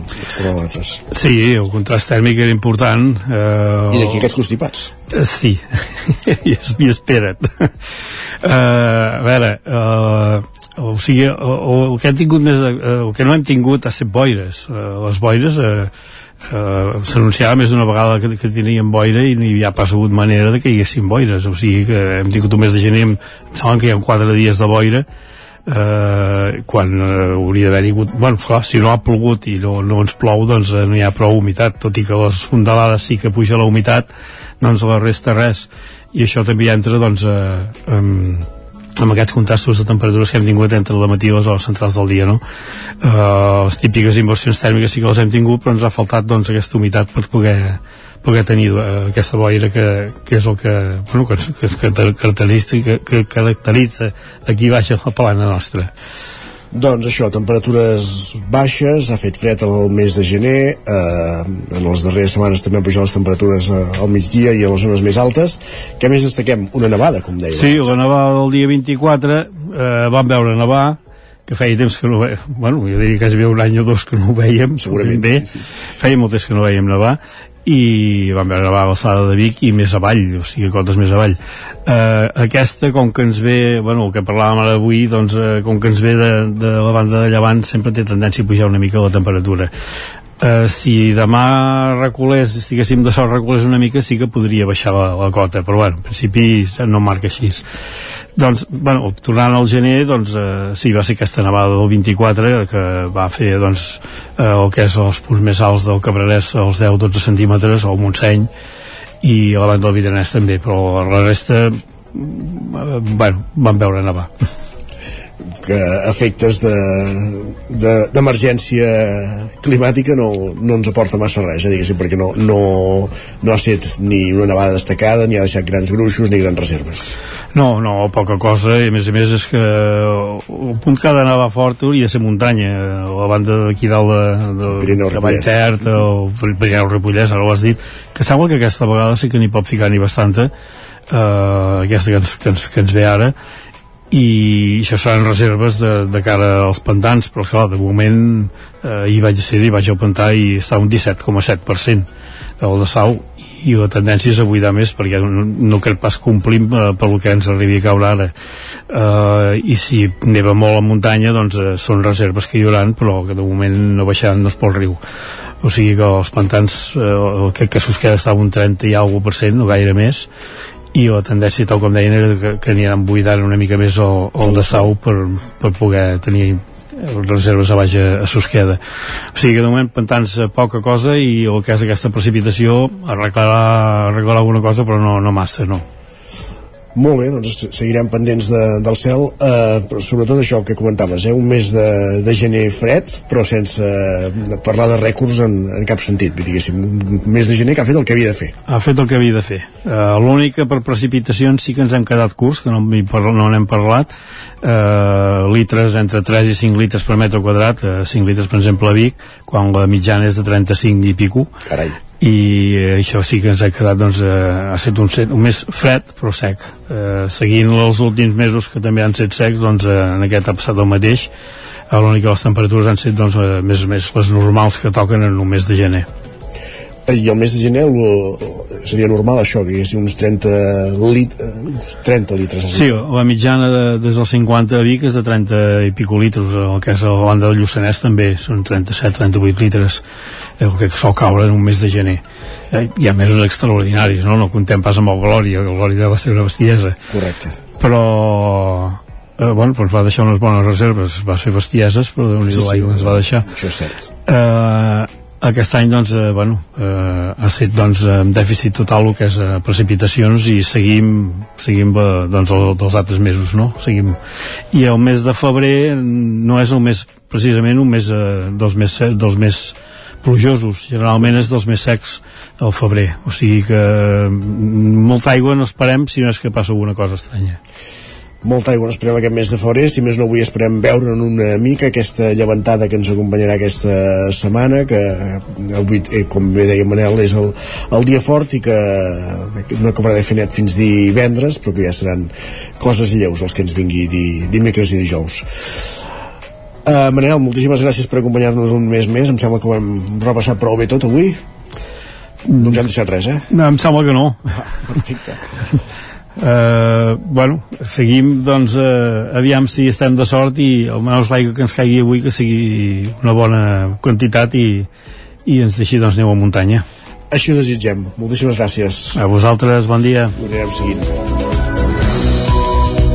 Moment al territori 17 de posar-nos al dia, d'actualitzar-nos amb les notícies més destacades de les nostres comarques, el Vallès Oriental, Osona, el Ripollès i el Moianès, i ho fem en connexió amb les diferents emissores del territori 17, Ràdio Cardedeu, Ona Codirenca, la veu de Sant Joan, Ràdio Vic, el 9FM i també ens podeu veure a través del 9TV, Twitch i YouTube. Per explicar-vos aquesta hora que han detingut un home de 30 anys per un robatori amb força en un establiment de Sant Celoni, al Vallès Oriental, Pol Grau de Ràdio i Televisió de Cardedeu.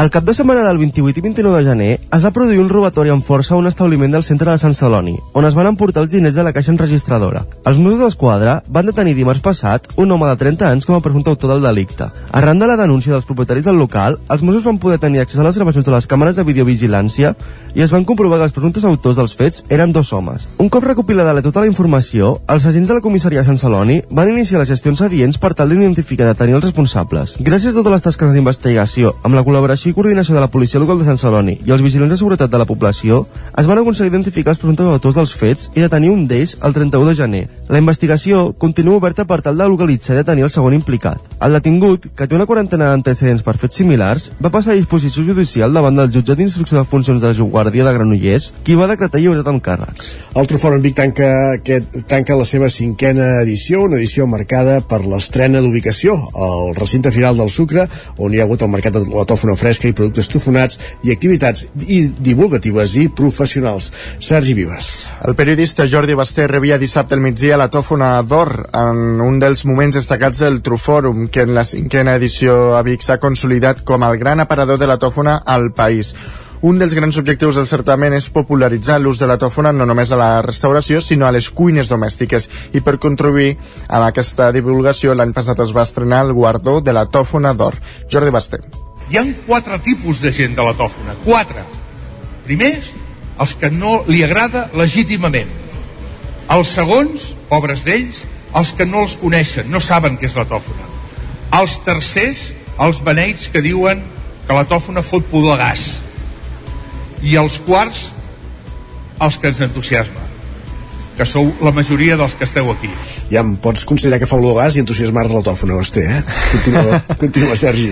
L'altre gran reconeixement del Trufòrum, el de l'ambaixador de la tòfona, ha estat eh, per Paco Pérez, chef, entre d'altres, dels restaurants Miramar de Llançà o l'Enoteca de Barcelona, amb dues estrelles Michelin cadascun. eh, que pugui estar una mica més present a casa, no? De que, hòstia, fem una truita li direm unes làmines per, pel damunt, no? Que fem ara uns pessolets ara i li posem una mica de tòfona. Jo crec que això estaria bé aconseguir arribar una mica més al poble, a casa. El Trufòrum estrenava emplaçament al recinte Firal del Sucre, que durant el cap de setmana s'ha omplert de demostracions gastronòmiques i conferències. Entre els protagonistes de la cuina de la tòfona hi havia, per exemple, Empar Moliner i Lluc Cruselles, que van compartir la sessió titulada Tòfona amb bombolles, on Ando Jubany i Quico Arumí, que hi van mostrar algunes de les uh, receptes amb tòfona de Can Jubany. Com a novetat destacada, diumenge Osona Cuina va servir un esmorzar de forquilla que va exaurir els 200 tiquets disponibles. El campionat de Catalunya de gossos tofonaires el va guanyar per segon any consecutiu el rodenc Josep Casals amb la seva gossa Lia. Del cinquè Trufòrum a Vic, l'organització en fa una valoració molt positiva, tot i que no s'ha facilitat xifres d'assistència, sí que hi ha dades indicatives de l'èxit de la cita. S'han exaurit totes les places de les activitats programades i s'ha venut la xifra rècord de 33 quilos de tòfona fresca. Que no són, pocs, po no són pas pocs quilos. Més qüestions. Unes 10.000 persones passen aquest cap de setmana per la 25a edició del Cau de Bruixes de Centelles. Un dels moments més especials es va viure dissabte amb la proclamació de la Bruixa de l'any. Un títol que ostentarà Ima Puigdomènec. Un dels plats forts va tornar a ser la Pairona, el passatge interactiu que la companyia Mil Notes va conduir aquest cap de setmana al Pavelló Vell en el marc de la 25a edició del Cau de Bruixes de Centelles, un espectacle familiar de por i misteri que es va anar desplegant en sessions de 25 minuts. Per segon any consecutiu, els visitants van recórrer un passatge de 350 metres on s'explicava la història de la Pairona, una dona de Centelles que l'any 1619 va ser acusada de bruixeria. Joan Garrido és el director artístic de la Pairona. Jo crec que va haver-hi gent que no va poder venir o no sabia molt bé què era i no va venir i clar, la gent s'ho ha anat dient. Per tant, aquest any tenim més afluència. Uh, hi ha gent que està repetint, que això és molt bo.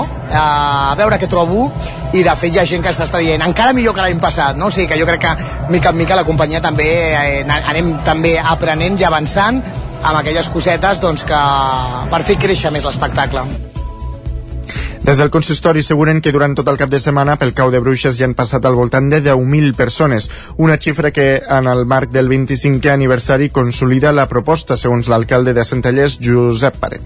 25 anys s'han viscut amb molta il·lusió, també amb la responsabilitat d'haver-hi arribat, ja que per un poble com el nostre arribar a 25 anys amb una festa consolidada i sent un referent a la comarca i al país doncs ens feia molta il·lusió però també érem conscients del que implicava fer-ho i per tant només podem fer que eh, un agraïment molt sincer a totes les persones que ho han fet possible, a les bruixes, a la comissió, a totes les entitats i l'exemple doncs, és que la gent ha respost i això només és possible per tota la gent que ho fa, que s'implica i que per tant doncs, fa que aquest cau de bruixes sigui una realitat gràcies al seu esforç. Un dels moments més esperats arribava dissabte a la plaça Major amb la proclamació de la bruixa de l'any, un títol que ostentarà Imma Puigdomènec, veïna del, del municipi. Ella sempre ha estat vinculada amb les entitats castellenques, eh, especialment en el món del teatre local. Que pels poders que se m'han otorgat us desitjo una vida llarga de salut i felicitat. Visca el cau de bruixes! La 25a edició del Cau de Bruixes donarà pas al Carnaval de Centelles, el primer de la comarca. Es desplegarà dissabte a partir de les 6 de la tarda en un recorregut que començarà a la residència Sant Gabriel i acabarà al pavelló municipal. Gràcies, Sergi. Anem cap al Ripollès perquè el camp de Benolenc, Eliseu Soler, inaugura la Torre de mossèn Tor una mostra de 8 maquetes i diorames d'edificis, actes i espais del poble. Isaac Muntades, la veu de Sant Joan. El camp de Benolenc de 84 anys nascut a Manresa, Eliseu Soler va inaugurar dissabte una exposició de sis maquetes i dos diorames d'edificis i espais de Camp de Bànol a la Torre de Mostor del municipi. Una mostra feta a petició del president de l'associació Camp de Bànol Cultura i Compromís a Baliadam. Soler sempre havia fet maquetes i diorames per ell o com a obsequis per ciutadans del poble, però Adam el va engrescar a exposar-ne i fer-ne de noves. A l'exposició se n'hi poden veure de temàtiques com la de la desfilada de la processó anant cap a la plaça de l'Església o el camp de futbol amb un partit entre el Camp de Bànol i el Ripoll. També ha l'església de Sant Pere d'Uira, dos diorames que recreen activitats fetes pel col·lectiu Camp de Bànol i la festa de Sant Jordi el Nadal, però el que més destaquen són tres elements que ja no existeixen, com l'antiga font de la plaça Anselm Clavé, la torre d'en Melis, com era l'any 1923 al centre del poble, i l'església de la Vella, que actualment està en ruïnes. Soler, seguint la tradició del seu pare, va començar fent d'aprenent de mecànic, però en aquell moment també la traien els pessebres. Quan vaig entrar a fer d'aprenent de mecànic, vaig quedar amb una associació si em volien ensenyar a fer pessebres. I, i un senyor ja molt gran, que li veus aquella galleda que hi ha allà? I aquest sac de guix agafa l'aigua i el guix i comença a pastar guix. I jo, sí, però i per sàpigues pastar guix i em sàpigues dir per fer una muntanya quin tipus de pastar necessites? I per fer una paret quin tipus? Llavors poder fer pessebres i llavors vaig fer pessebres Soler va haver d'abandonar la seva afició als 18 anys quan va entrar a treballar en una empresa de muntatge de maquinària tèxtil que l'obligava a viatjar per tot Espanya. La seva relació amb Can Danol va començar l'any 1962 quan va venir a treballar a la fàbrica de Molinou i més tard a Ripoll. Dos anys després ja es va casar i establir a Camp de Bànol. El 1966 va començar a fer pessebres per l'Hospital Camp de Banolenc i més endavant per la banca catalana. Les obres al centre sanitari i la instal·lació del caixer automàtic van obligar-lo a treure'ls. Durant 22 anys també va fer els pessebres de la biblioteca. L'any 2000 es va jubilar i va dedicar-se a recuperar el camí ral des del barri de la Creu fins a Gombrèn, durant 13 anys. Després d'això va fer entre 150 i 160 mecanismes mòbils i aparells amb energia solar. Gràcies, Isaac. Tornem al Vallès Oriental perquè Caldes de Montbui acull una exposició sobre la festa de Sant Antoni Abat on que recull documents de fa més de 350 anys. Roger Rams, zona Codinenca. El Museu Termàlia de Caldes de Montbui ha aprofitat l'efemèride dels fins ara confirmats 150 anys de la festa de Sant Antoni Abat al poble per crear una exposició que, a base de fotografies i textos, explica la història i les tradicions que s'han conservat fins a dia d'avui. Història de la festa de Sant Antoni a Batacaldes 1667-2023, 356 anys documentats, aquest és el títol que porta, es podrà visitar a la sala Sebastià Badia des del proper 12 de febrer i fins al 4 de juny. L'alcalde Isidre Pineda en fa aquesta valoració. El dia 12 de febrer inaugurem una exposició al Museu Termàlia que explicarà quin és el recorregut històric d'aquesta festa tan estimada, tan emblemàtica, tan icònica del nostre poble, una festa eh, absolutament connectada amb la nostra vila, parlant d'una de les festes més antigues de Catalunya i de un patrimoni calderí que sabíem que era antic, que sabíem que era important, que sabíem que era emblemàtic, però que va fins i tot més enllà, perquè aquesta ha estat una troballa increïble. La comissària de l'exposició és la doctora en Història de l'Art per la Universitat Autònoma Laia Soler Moreno, que ha treballat per diverses institucions i museus d'arreu del territori, com ara el Consorci del Patrimoni de Sitges, la Generalitat de Catalunya o el Museu Nacional de Ceràmica de València. Soler diu que bona part de les troballes s'han fet a través de l'arxiu de la parròquia de Santa Maria de Caldes i explica quin valor té haver viatjat tan enrere en el temps per indagar sobre aquesta festa. La investigació sortosament ha donat els seus fruits i ha pogut aportar llum sobre els orígens de la festa, que eren molt desconeguts. Ara s'ha descobert nova documentació que demostra que Sant Antoni es ve celebrant des de fa molt més temps. Es tracta del llibre d'actes de la confraria de Sant Antoni Abat. És un document inèdit i de gran valor patrimonial que demostra que la festa ja se celebrava el 1667. Llavors estem parlant no de 150 anys d'antiguitat, sinó de 356. Això es diu ràpid, però són molts anys. És des del segle XVII fins l'actualitat. D'altra banda, des de la Facultat de Sant Antoni Abat, el seu president, Joan Bellavista, agraeix la feina feta i el valor que agafa la festa amb aquesta exposició. Eh, gràcies a tothom per la feina feta, eh, per totes les persones eh, al llarg d'aquesta llarga història que hem estat treballant per la causa eh, orgullós orgullós de tot això i a més a més dels resultats obtinguts eh, gràcies a la persistència doncs això de la, de la Laia Soler de fet el, el pes d'aquesta llarga trajectòria i d'aquesta llarga història eh, és aclaparador sobre nostres, sobre les nostres espatlles doncs ara eh, pesa, molt, pesa molt més no? aquesta història S'exposaran documents recuperats de la Facultat de Sant Antoni de la parròquia de Santa Maria, així com algunes peces de vestir típiques d'aquesta festa. Gràcies, Roger. Acabem aquí aquest repàs informatiu que començàvem al punt de les 10 en companyia de Roger Rams des d'Ona Codinenca, Pol Grau, Isaac Muntades i Sergi Vives. Moment ara de saludar en Pep Acosta.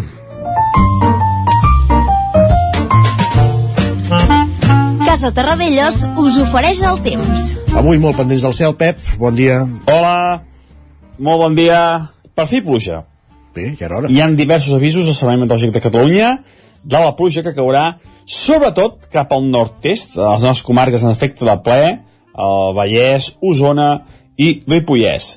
Pluja que es pot acumular entre 50 i 100 litres. Per tant, molt bona notícia en aquesta zona. Um, per fi una pluja com Déu mana. Um, 50-100 litres és molt, molt, molt, molt bona notícia això són els pronòstics, ja si li va caure. I el tercer element a tenir en compte és la neu. Atenció a la cota de neu que voltarà els 600-700 metres aquest matí. Acumulacions de 10-15 centímetres a uns 700 metres, sobretot cap a Mollanès, Guilleries, Coixa Cabra, eh, i òbviament al Pirineu, i a partir de 1.500 metres eh, acumulacions de més de 40-50 centímetres aquesta tarda per això la cota neu aquest matí voltarà 700 metres a la tarda ja pujarà als 900 1.000 metres. Uh, acumulacions de neu molt importants a la zona del Montseny i a la zona de Baiter. Uh, ja que a la zona de Baiter es van acumular un paquet enorme de 50-60 centímetres de neu. Uh, per tant molt molt bones notícies també per aquesta zona que té un dèficit de neu molt important.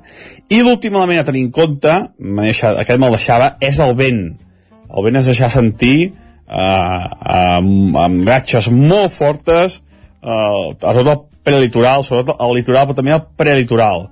Eh, poden superar 60, 70, 80 quilòmetres per hora. Per tant, eh, aquesta petita llevantada durarà poc, però serà una llevantada important, una llevantada eh, maca, maca eh, el dia d'avui. Les temperatures baixes, eh, no superarem els 7-8 graus de màxima, eh, les temperatures mínimes potser no han baixat tant, ja que ja està molt més tapat i hi ha una primera precipitació, veurem precipitacions febles, quan començarà a ploure més serà a partir del migdia que les, les precipitacions es faran més intenses i extenses. I això és tot, a disfrutar d'aquesta llevantada d'aquest eh, dimarts i demà farem un balanç de tot plegat. Molt bon dia, adeu. Procurarem disfrutar de la llevantada en la mesura del possible. Gràcies, Pep, fins demà. Casa Tarradellas us ha ofert aquest espai. Territori 17. Envia'ns les teves notes de veu per WhatsApp al 646 079 023. 646 079 023. WhatsApp Territori 17.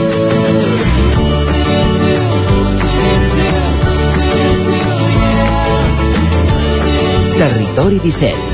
Som a Facebook, Twitter i Instagram amb l'usuari Territori 17.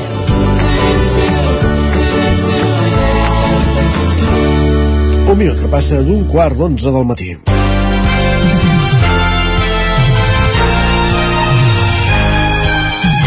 Ja coneixeu aquesta sintonia, ens indica que tenim en línia en Joan Carles Arredondo, la redacció del 9-9 del Vallès Oriental, el cap d'Economia del 9-9 del Vallès Oriental per parlar d'economia i avui per parlar dels beneficis de la banca o una secció que has titulat, Joan Carles, La cultura del no. Bon dia. Sí, és l'altra cultura del no, eh? Sempre estem acostumats a que ens vagin dient que, no sé, per, per, per posar un cas proper, pro, proper vull dir, el quart cinturó, sí. et diuen no, això és cultura del no, aeroport no, això és cultura del no, no esteu disposats al progrés i tot això. Ara explicarem per què, perquè n'hi ha, ha una altra de cultura del no. Ja, descobrim-la. Et, et, et diré uns números, no són de loteria. Ja. 9.605, 6.420, 3.145... No cal que els compri, dius, eh? No els compris bueno, aniria bé que compressis algunes accions perquè això són eh, els milers de milions d'euros que han declarat com a beneficis el Banc Santander el BBVA i CaixaBank eh? respectivament 9.605 Santander 9.605 mili 9.605 milions, eh? Sí, sí, poca broma. Hem, hem, hem, hem d'anar afegint zeros. El BBVA 6.240 i eh, CaixaBank 3.145. Um, sumats els de, el Banc Sabadell i els de Banc Inter, aquestes són les entitats que, que cotitzen a borsa, de, entitats eh, financeres que cotitzen a borsa, sumats tots, 20.582 milions d'euros. Eh, Això sí que és les grossa. empreses aquesta és la grossa i la grossa que li ha tocat a alguns accionistes els que tinguin moltes accions de nhi perquè reparteixen molts diners en dividends eh, no hi ha res a objectar eh? ni que els accionistes cobrin per les accions Aquest és la, aquestes són les regles del joc eh? els bancs volen guanyar diners com les empreses Mm, tenir beneficis és important també per l'economia perquè amb beneficis es reinverteixen es genera tot, tot, tota aquesta roda que sabem eh? el matís és eh, que eh, els bancs gestionen els diners de tercers i a més a més sempre estan esperant l'empara de, la, de la societat i dels estats eh, quan, quan les coses no, no, no van tan bé eh? Eh, ara, ara, ara farem una mica de, de recordatori històric um, no fa tant de temps eh, tot just eh, 10 anys eh? Um, 2012, fa una mica més de, de 10 anys, però no gaire més, no? Um, L'embriaguesa bancària va fer necessari un rescat amb els diners de tothom. Van ser gairebé 60.000 milions d'euros per tapar el forat eh, que havia deixat la febre del totxo. Un grup de caixes d'estalvis va contagiar d'aquesta febre del totxo i els mals resultats i un corrent d'opinió, per què no dir-ho, de vegades prefabricat, em va portar a la desaparició, eh? ja sabem que ara de caixes eh, en queden dues o molt petites eh, a les illes i, i, al, i al País Valencià no? Correcte 60.000 milions, eh, estàvem dient sí. doncs les, segons les últimes dades del Banc d'Espanya què ha retornat d'aquests 60.000 milions que es van destinar a, a salvar el sistema financer Zero. doncs se n'han vist retornats 6.000 eh? Ah, 6.000 milions no estem gairebé no estem ni al 10% Uh, recordar això sembla una ofensa per als partidaris d'aquesta amnèsia, direm amnèsia financera, que són els mateixos que miren quatre, cap a una altra banda quan els bancs eh, favorits per aquell rescat eh, s'agarrissen amb qui no paga les quotes de la hipoteca. Sé que pot semblar una mica demagògic, però és que és així, és a dir, ells deuen diners, eh, no estan pagant i, els que no paguen les quotes de la hipoteca els desnonen.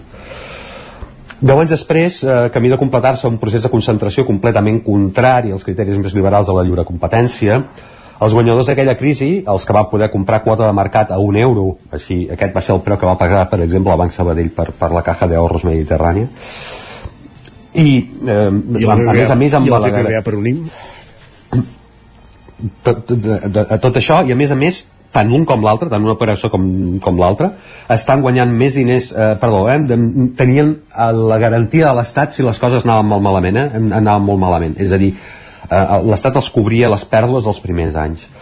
Mm, doncs ara aquests estan guanyant més diners que mai, mm, i eh, això és clarament així perquè el Banc Santander i el BBVA han obtingut els beneficis més alts de la seva història.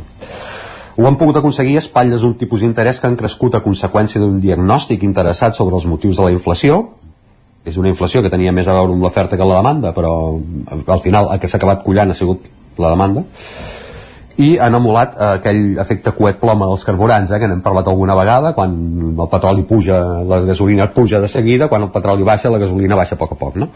Doncs aquí tenim aquest efecte que no ploma financer, eh, que s'han apressat a aprofitar la pujada de tipus per incrementar el preu dels crèdits, però en tanta pressa que s'han d'exuberat, o potser no, eh, de, remunerar els, de remunerar millors estalvis. Eh, gairebé com comprar diners gratis i vendre'ls caríssims vent de cua per uns beneficis multimilionaris i un repartiment de dividends ben suculent, eh?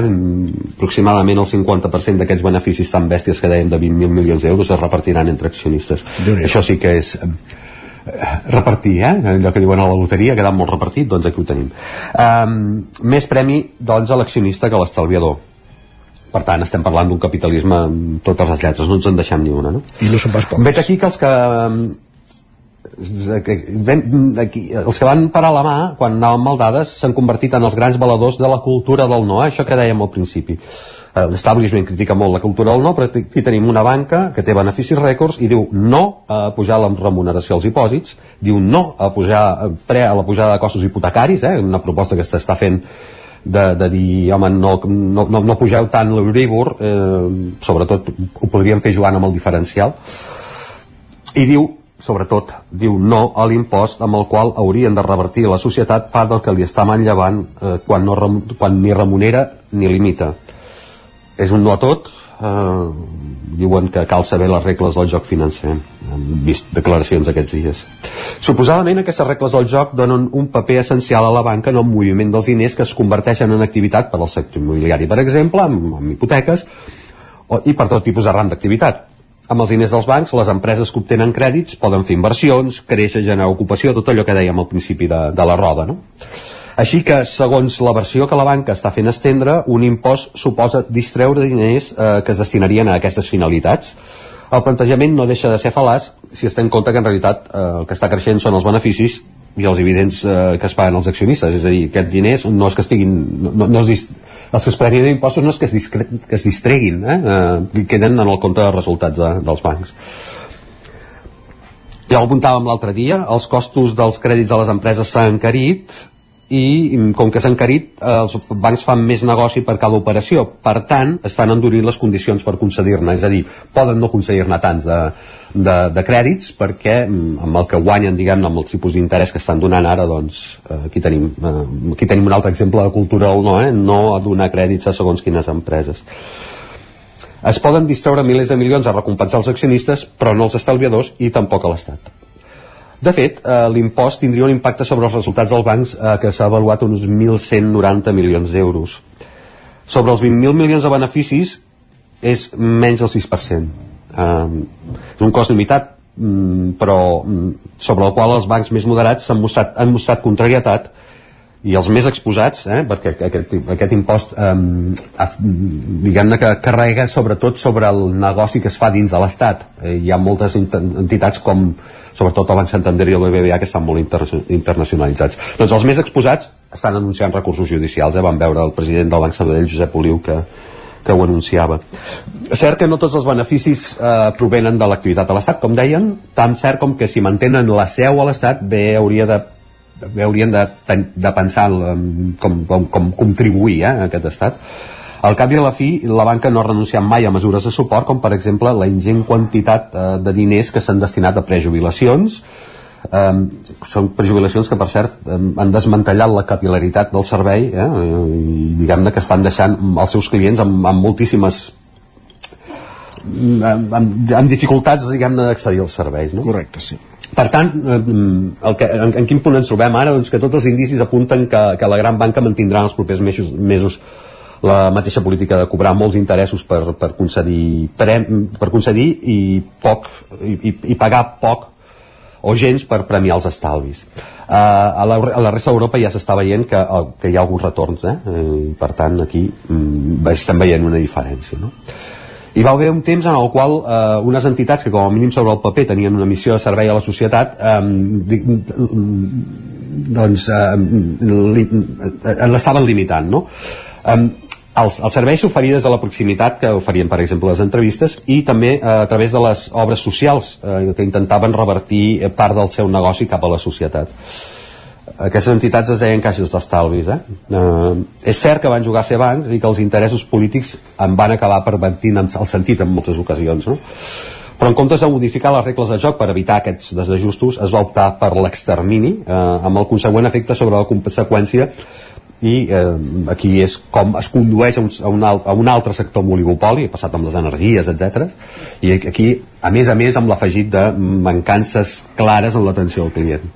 Es va fer un càstig a les caixes, però ha acabat sent un càstig a tota la societat i mm, ja, ja, he de dir que potser he estat, he estat a punt de titular Enyoro les caixes eh? Sí, també ha estat un bon títol. I un exemple el tenim amb el fet que ara haguem de pagar ja caixers, perquè tinguem caixers automàtics que aquesta ja és l'última. Aquí està, això ja pagar-los per, per fer negoci és eh, una cosa que no, no, no, no, no s'acabarà d'entendre mai. Joan Carles, fins la setmana que ve, moltes gràcies. Adéu, bon dia. El nou FM, la ràdio de casa, al 92.8 al forn de pa i pastisseria Glina hi trobareu una gran varietat de pans de producció pròpia amb farina de blat i de molts altres tipus, tots elaborats al nostre obrador. També us oferim tortells, braços de gitano, coques, brioixeria i pastes seques i pastissos personalitzats. I ara també ens trobareu al Mercat Municipal de Torelló. Forn de pa i pastisseria Glina, carrer Major número 9 de Sant Vicenç de Torelló i Mercat Municipal de Torelló. Del 5 a l'11 de febrer torna el Carnaval de Centelles.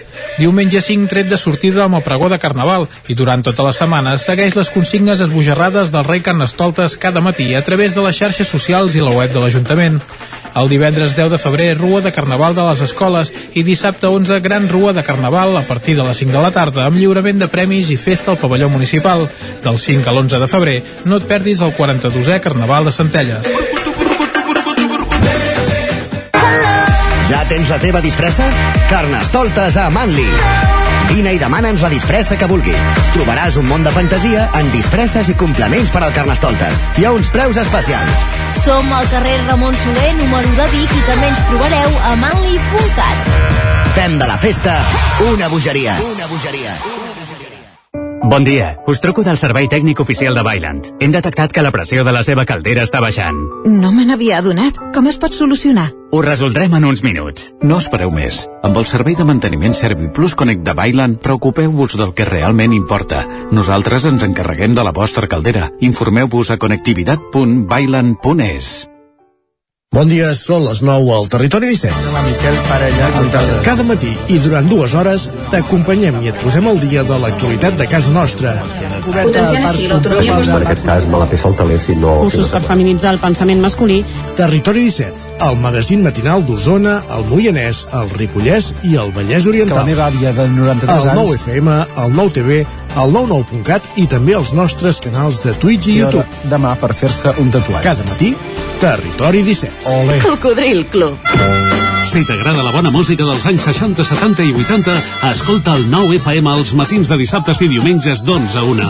És el temps del Cocodril Club, tot un clàssic de la ràdio, amb les bases del pop-rock, les llegendes, les cançons que s'han convertit en autèntics himnes. Recorda, dissabtes i diumenges al matí, d'11 a 1, al 9 FM 92.8. Cocodril Club, el programa revival de l'Albert Malla. Hasta luego, cocodrilo. El 9 FM, la ràdio de casa, al 92.8.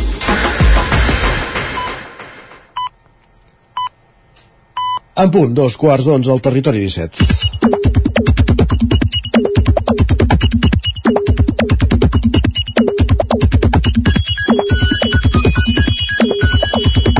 I assegut a l'estudi de la 9FM ens acompanya un dia més en Guillem Sánchez amb les pilades més destacades que ha recollit a Twitter. Guillem, bon dia. Què tal, com estem? Bé, avui a més et veiem. Perfecte. Perfecte.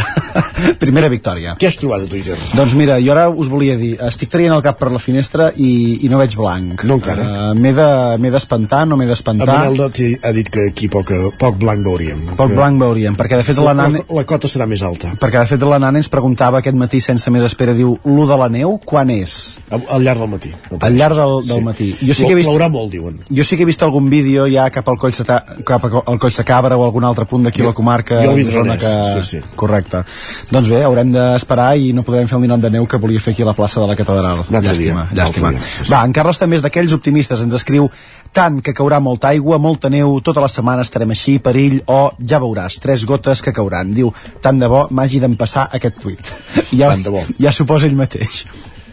I una recomanació d'en Jordi. A veure, diu, està prohibit, en majúscules, trepitjar el gel perquè els que som de muntanya sabem que és una temeritat i és molt fràgil a llocs com el torrent. Després caureu i trucareu al basté dient que us feu mal als puestos i a veure on era salvament marítim. Home, tinguem, Exacte.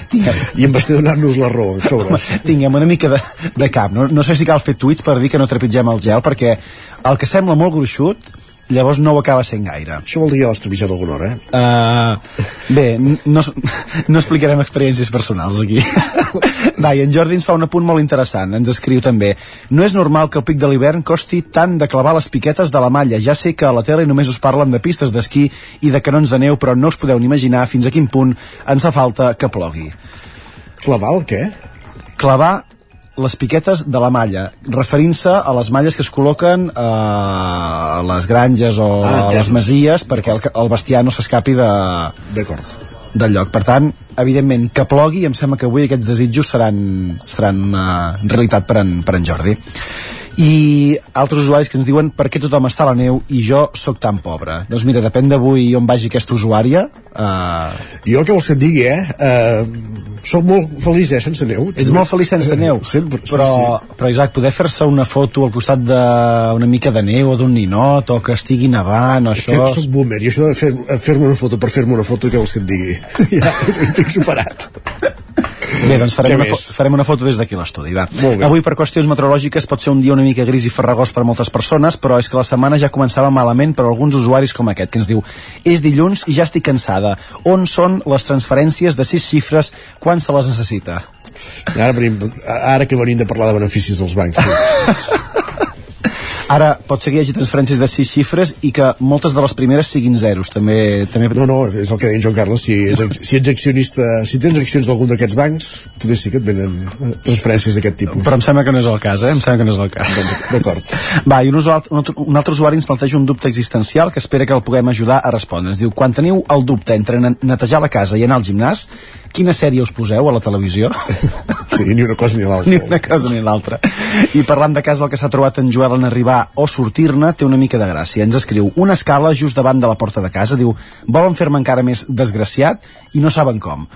Ostres, eh, ja té guassa que tinguis una escala d'aquelles petites però que puguis passar just per sota davant de, de casa teu.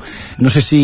Allò pels supersticiosos, vols dir? Home, eh? sí, i que, que quan surtis trobis un, un gat negre i que petis un mirall, no em sembla? És, són les altres coses per, per la mala sort. Va, i l'Àlex en recorda avui mateix, diu aquesta setmana s'acaba l'obligatorietat de les mascaretes al metro per, per a gran alleujament del 0,37% dels passatgers. Jo encara ho trobo massa, potser, eh, aquest percentatge que ens ha, que ens ha dit. Molt indicat pels usuaris del metro Vic Manlleu, per exemple. Vic, Vic Manlleu, home, uh, deu ser per tot el transport públic, no? També Correcte, diria, correcte? sí, Sí, Fins i tot pels que vagin per la R3 encara que vagin, que vagin lents, no? Tot i que algú m'explicava l'altre dia que havia pujat al tren i que la mascareta brillava per la seva absència. Jo no sé si és, si és veritat o no, però l'últim cop que vaig pujar amb un avió fa tres setmanes, des de la companyia mateix van dir que no era obligatori. En sèrio? Per tant, no sé si m'estaven enganyant o és que Ja està, no tenien ganes de fer de policies dintre de l'avió. Un, un cop ets a l'avió ets en aigües im- amb aires internacionals i potser llavors ja s'aplica una altra llei, no? ja no hi ha Covid als aires internacionals. Va, per acabar una altra gran reflexió aquest cas ens arriba de part de la Laura, que ens escrivia ahir un altre dilluns havent de llegir volem apostar pel contingut digital i també no sabem com es fa això de posar un enllaç a les històries al mateix fil de correus electrònics és que hem d'aprendre encara moltes competències i moltes coses abans de, de voler assolir altres objectius, eh, Isaac? Potser sí. Potser sí. Potser que, en fi. El que farem nosaltres és anar a tocar neu, a veure si, si d'aquí una estona en tenim per aquí al voltant i si no agafarem el cotxe. Has d'enfilar amunt, em sembla. Hem de fer una mica amunt. El que fem nosaltres és anar cap al territori dona. Gràcies, Guillem. Ah, que vagi bé. Bon dia.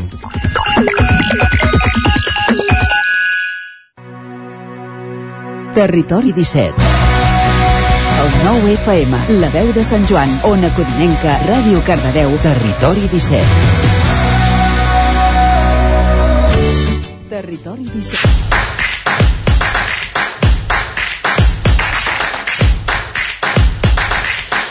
Com dèiem ara, és moment d'entrar al territori dona quan passen pràcticament 6 minuts de dos quarts d'onze del matí. Avui en companyia de la Maria López i la Txell Vilamala. Maria, Ràdio Televisió Cardeu, benvinguda, bon dia. Molt bon dia, Isaac, i benvingudes totes a aquesta tertúlia batallera de dimarts, que arriba amb els timbals aquests eh, de batalla, diguem, carregats d'intenció. Intenció de trencar tabús, de posar sobre la taula aquelles coses que a vegades passen desapercebudes, però que segueixen carregant de masclisme a la nostra societat, i també, per suposat, aquelles que es toleren davant de l'evidència i ulls de tothom. I avui volem parlar d'un tema molt nostre, potser no anem tant a assenyalar, sinó més a analitzar, per dir-ho d'alguna manera, perquè volem parlar de maternitat. La maternitat està clar que és un concepte molt extens, però avui ens volem centrar una mica més en uh, quina és la tendència actual a l'hora de prendre decisions sobre com volem que sigui aquest moment. Mireu, segons dades del Ministeri de Sanitat, ja és més probable tenir un part amb 40 anys que amb 25. Pràcticament, també, una quarta part dels parts són per cesària i als centres privats hi ha tres cops més casos de cesàries que als centres públics. Així que avui, a més de xifres, volem posar sobre la taula de debat quina és la tendència actual a l'hora de decidir com volem que sigui el nostre part i per què. I per fer-ho, avui comptem amb la Txell Vilamala de Nou Ràdio, que més ens porta una convidada que també ens ajudarà molt a aclarir aquests temes. Bon dia, Txell, explica'ns amb qui comptem avui. Bon dia, Maria. Doncs sí, ara parlarem amb la Vanessa Torres. Ella és llevadora del Servei d'Atenció a la Salut Sexual i Reproductiva d'aquí la comarca d'Osona. En concret, eh, treballa al cap de Torelló. És una de les professionals que ens atenen quan, quan anem al centre d'atenció primària. Eh, de seguida li donem pas. Eh, només dir... Eh, no és un tema que sigui rellevant de cara a l'audiència, però jo ho dic. Jo no sóc mare, per tant, ja m'excuso uh, abans d'hora per si uh, faig algun... El que faltava, que algú s'hagi d'excusar per no ser mare, saps? Uh, no, m'excuso per si faig algun comentari, dono alguna cosa per feta uh, que no se diu a la realitat de les mares i pares que segur que ens estan escoltant. Uh, per això em disculpo abans d'hora, perquè a vegades les coses només les pot explicar qui les viu i per tant em, em sabria greu, ja ho dic amb antelació, fer algun comentari que no estigui a l'altura del que suposa ser mare o pare. Per tant, només era aquest petit aclariment. Zero patiment, sí. I dit això, uh, saludem a la Vanessa, em sembla que la tenim per aquí. Bon dia, Vanessa. Hola, bon dia. Bon dia, gràcies per acompanyar-nos avui al Territori 17. Uh, ara la, la Maria comentava aquestes dades. Uh, ja és més probable tenir un pare amb 40 anys que, que amb 25, segons dades del Ministeri de Sanitat. Uh, això casa amb el que veieu a la consulta? Us trobeu mares que són cada vegada més grans?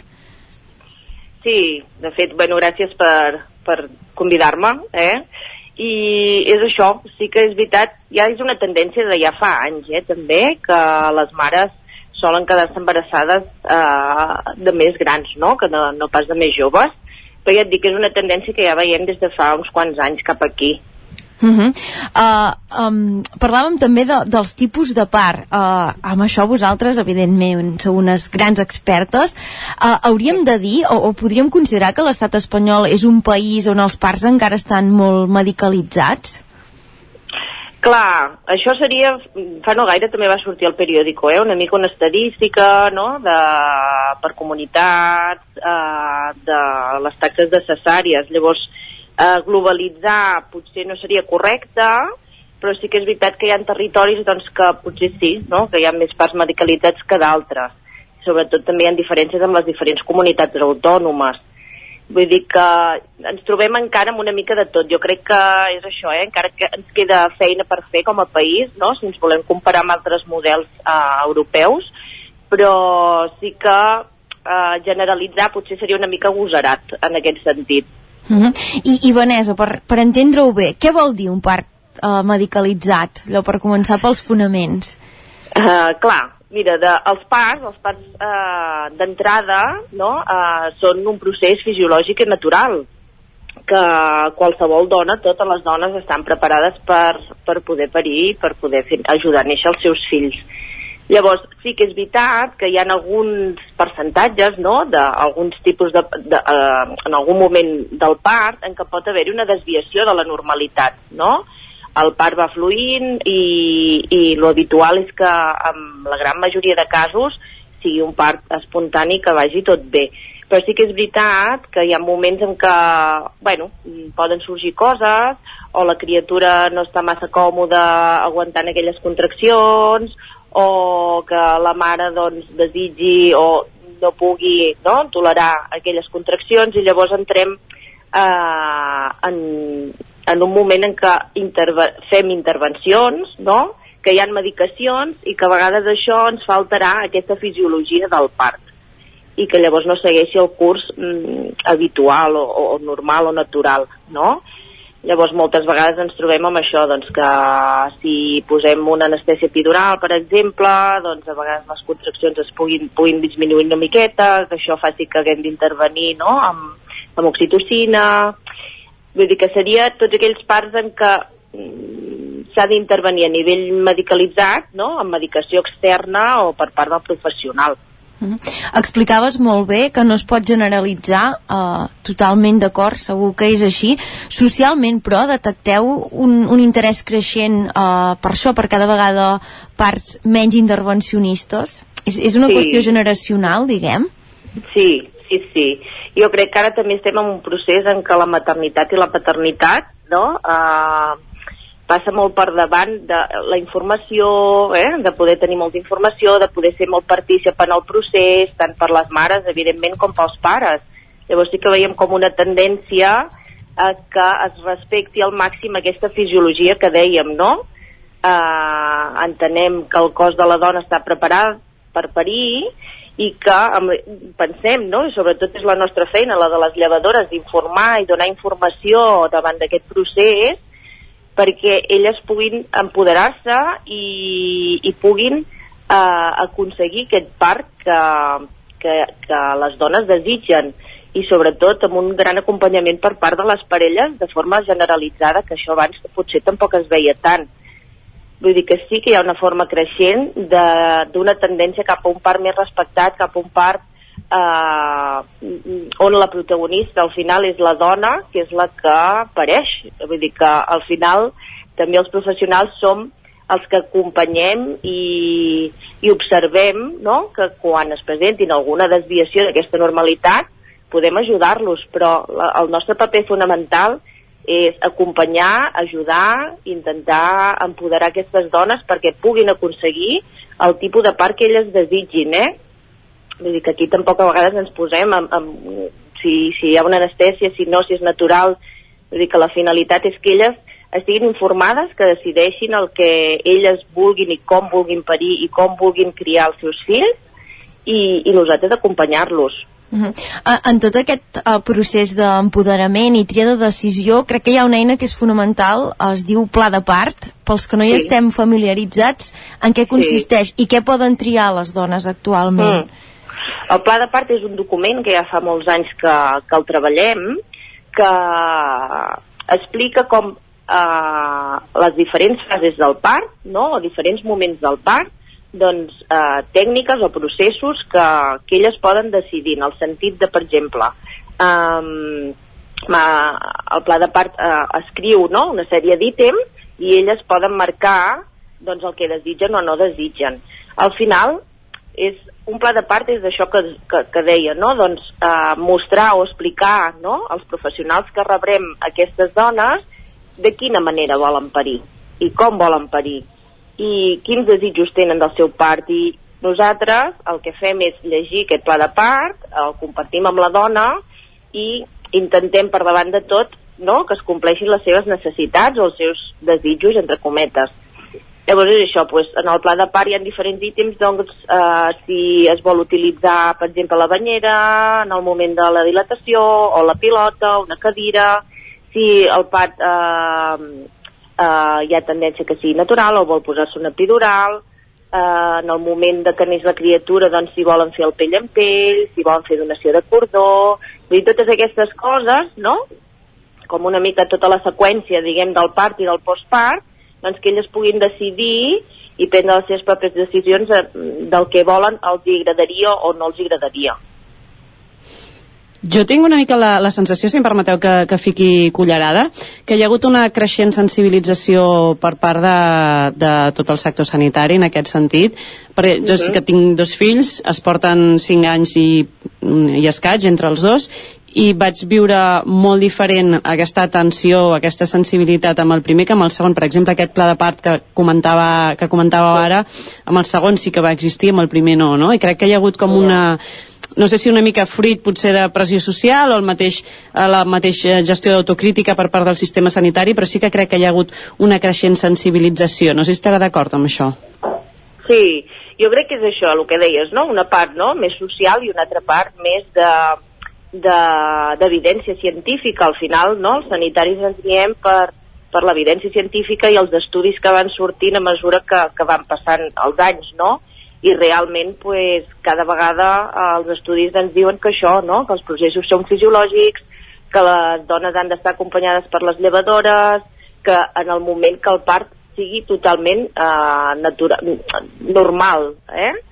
Eh, i intentar respectar al màxim aquesta tranquil·litat, donar aquesta confiança, empoderar les dones, vull dir que quan més partíceps són les dones del seu procés de part, més flueix i, i, i elles més segures i, no? Amb, amb, és un procés que ha de ser agradable i que ha de ser un, un dia bonic i per recordar, no? dintre de les complicacions que puguin sorgir o no, però el més més important és això, és que una dona se senti empoderada, se senti respectada per poder eh, dur aquest procés a terme, no? amb, la, amb la millor sensació.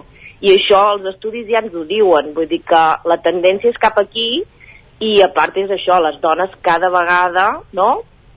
estan com més conscienciades en que eh, és un procés seu i que han de ser respectades. Llavors jo crec que sí que és un, no? un, un percentatge d'aquesta balança que s'equilibra i que això ens fa canviar i que els professionals també ens motiva no? que, que aquestes dones vulguin ser partíceps, vulguin saber, vulguin informar-se, vull dir que és, és com molt gratificant també per nosaltres, sobretot eh, per la nostra professió, doncs incentivar el canvi i, que, i el respecte al final eh, a la dona, que, que és no, el, el pilar fonamental en aquest procés Uh, Vanessa, i uh, estem parlant ara del parc, però què passa després? Perquè uh, és veritat que dediquem molta atenció a aquest moment, que evidentment és crucial, però llavors ens n'anem a casa amb una criatura que ens necessita absolutament per tot. No sé si el, el canvi o, o la sotregada o el sotrac no, de canvi de realitat arriba uh, en aquest moment. Sí, sí, sí, vull dir que això nosaltres també és una cosa no, que, que, que, que exposem o que expliquem a les classes de preparació al part. Uh, és normal que una dona embarassada vagi com molt enfocada en aquest moment del part perquè realment és el més imminent, és el moment no, com de més incertesa, que potser si és un primer no hi has passat mai per aquí, i llavors això és com que genera molts dubtes, molta por, molta inseguretat, i solem estar, no?, mm, com més centrades en aquest moment, però realment, eh, com molt bé dius, el moment important o, o més dur, no?, o de més canvi, és aquest moment en què ja nascut la criatura, ens anem a casa amb aquest nadó, tot és nou, no? Eh, per molt que potser ens, hagi, ens haguem informat, ens trobarem una criatura que potser pues, no segueix no? el que ens havien explicat. Clar, cada, cada, cada mare i cada nadó és un món i eh, aconseguir aquest equilibri tots sabem que, que, que fa falta uns dies, eh? I, i algun mes per, per, per poder anar com, dir, com un dia tranquil·la. i uns mesos. Perquè és, realment és el sotrac gran, eh? Sí, sí, sí, com per poder... Sí, sí, i això a les dones pues, és, és molt important saber que aquest primer mes, no, sobretot, és com el mes més fràgil I això els intentem traslladar, els intentem comunicar, i a part que els donem com molta facilitat de comunicació amb nosaltres per després del postpart, eh, per poder resoldre tots els dubtes que ens truquin, tant amb la llevadora com el servei de pediatria, perquè no se sentin soles, no? Que a vegades també aquest procés, com que és tan, tan xocant, a vegades les dones se senten molt soles i, i, i nosaltres intentem com a mínim omplir aquest buit perquè elles se sentin com recolzades i que puguin anar vivint aquesta situació doncs, amb, més serenor, no? tot i que ja sabem que, que és com una revolució eh, molt important i, i a vegades és el que costa més, eh? eh? Suposo que imaginar o pensar com anirà fins que no trobes amb la situació, el postpart és una fase eh, dura. El tema és que te l'imagines molt bonica. Exacte. Te l'imagines d'una Sí, manera vegades- i després quan et trobes allà eh, dius on est i la, les instruccions on paren, saps? On, on Exacte, estan. exacte. I a més, Sí, que és una sí. època que tothom et dona consells amb una facilitat sí. uh, abismal i que cadascú et dona un consell totalment contrari a l'altre. I eh, Exacte. doncs amb les, amb, amb les hormones doncs, disparades, allò és una bomba de rellotgeria eh, brutal. Jo me recordo arribar a casa amb el primer dic, i ara què faig amb això? Saps? Li vaig ensenyar Sí, la casa, no sabia què havia de fer, dic, és que no sé. Sí, sí, Me'l vaig passejar per la casa i després vaig pensar, no s'ha enterat, però és igual, és que vas tan perduda de, a nivell de, de... I ara què es fa amb això, no? Clar, Bueno. clar. Sí, sí, és un moment fràgil, a més, el que dèiem, no? També estem venint d'un parc, que vés a saber com ha anat, vull dir que el cansament, no? Uh, entres amb, amb, amb una espiral en què, bueno, has de cuidar un nadó 24 hores, que això no ho havies fet mai, que potser no dorms, vull dir que, clar, tot, tota la coletilla que vulguem aquí, i això influeix, eh? I a nivell social, aquí també hi ha hagut un gran canvi, eh? I les mares estan molt més informades, vull dir que les opinions, això que deies, no?, de, de, de l'exterior, al final és un moment fràgil i vulnerable i, i t'influeix, eh? I, I a vegades costa, no?, de, de saber mm, la realitat, no? En quina, en quina realitat estàs, o què t'estan dient, o què necessites, i clar, cada nadó és diferent, i cada mare és diferent, i el que hagi funcionat amb una persona no li funcionarà amb l'altra. Vull dir que és, és un moment complicat, sí, sí. Vanessa, ara parlaves d'informació. Uh, Permeta'ns que fem també una pinzellada sobre una altra faceta vostra. Les llevadores uh, també us dediqueu a les classes d'educació sexual a les Sí. escoles i instituts. Uh, quina visió copseu pel que fa a les relacions de part dels nois i noies, això, adolescents o relativament joves? Hmm. Mira, això, la, la sexualitat i l'afectivitat, evidentment, és un, un, un apartat en què entrem a l'adolescència, que ja és una, una etapa, no?, i una fase eh, de remoguda vital per l'adolescent i per, per aquella persona, i, i amb tota la informació que hi ha, amb tota la informació que s'ofereix, a vegades et sorprèn que potser no, aquestes relacions haurien d'estar com més avançades, no? Uh, I encara ens trobem, no?, situacions amb, amb, això, de control, de gelosia, de, de, de relacions potser no massa sanes amb, amb adolescents. I el, el que passa que també, per altra banda, trobem no, tot el tema de, de les diferents orientacions sexuals, de l'autoestima a nivell de l'adolescència, com que sí que ha evolucionat molt aquesta part, però sí que també continuem veient relacions tòxiques o relacions, no?, eh, que ve, que ve amb, amb de... Ara no, no em surt la paraula, eh? però com mm. ho vam dir, que són com d'arrels molt, molt, molt eh, de, de tirant enrere, no? Vull dir que veiem una mica aquestes dues vessants. I, I la influència potser també, per exemple, la pornografia continua sent un problema o, o això és més de dècades passades que de l'actualitat? Ho detecteu? ho continuem detectant i fins i tot és això, eh? hi ha llocs en què ens demanen sobretot xerrades o tallers dirigides cap al tema de la pornografia perquè al final no deixa de ser una distorsió de la realitat no? i que eh, també és més fàcil amb la- amb l'accés no? a les xarxes, a internet, a tot plegat que pugui arribar aquesta informació i que els nens ho vegin i que al final no, no sàpiguen eh, distingir si això és una realitat, si això és una relació normal o què és? Llavors sí que és veritat que, que ens ho sol·liciten, eh? De que, de que fem xerrades, vull dir que continua sent-hi, sí, sí. Doncs, Vanessa, moltes gràcies per haver-nos acompanyat. Com dèiem al principi, ella és llevadora del Servei d'Atenció a la Salut Sexual i Reproductiva d'Osona, en concret del Cap de Torelló. Ha sigut un ple escoltar-te i, i n'hem après molt. Gràcies, moltes gràcies a vosaltres. Que vagi molt bé, bon dia. Bon dia, adeu. Doncs, Maria, justament nosaltres a principis d'aquest any, al 9-9, publicàvem un reportatge explicant que la meitat de nadons del Ripollès neixen fora de la comarca i a Osona un de cada quatre. En xifres absolutes, per exemple, el 2021 al Ripollès hi va haver 157 naixements, però només 69, això és més o menys un 43%, van tenir lloc a l'Hospital de Can Davano, que és el de referència.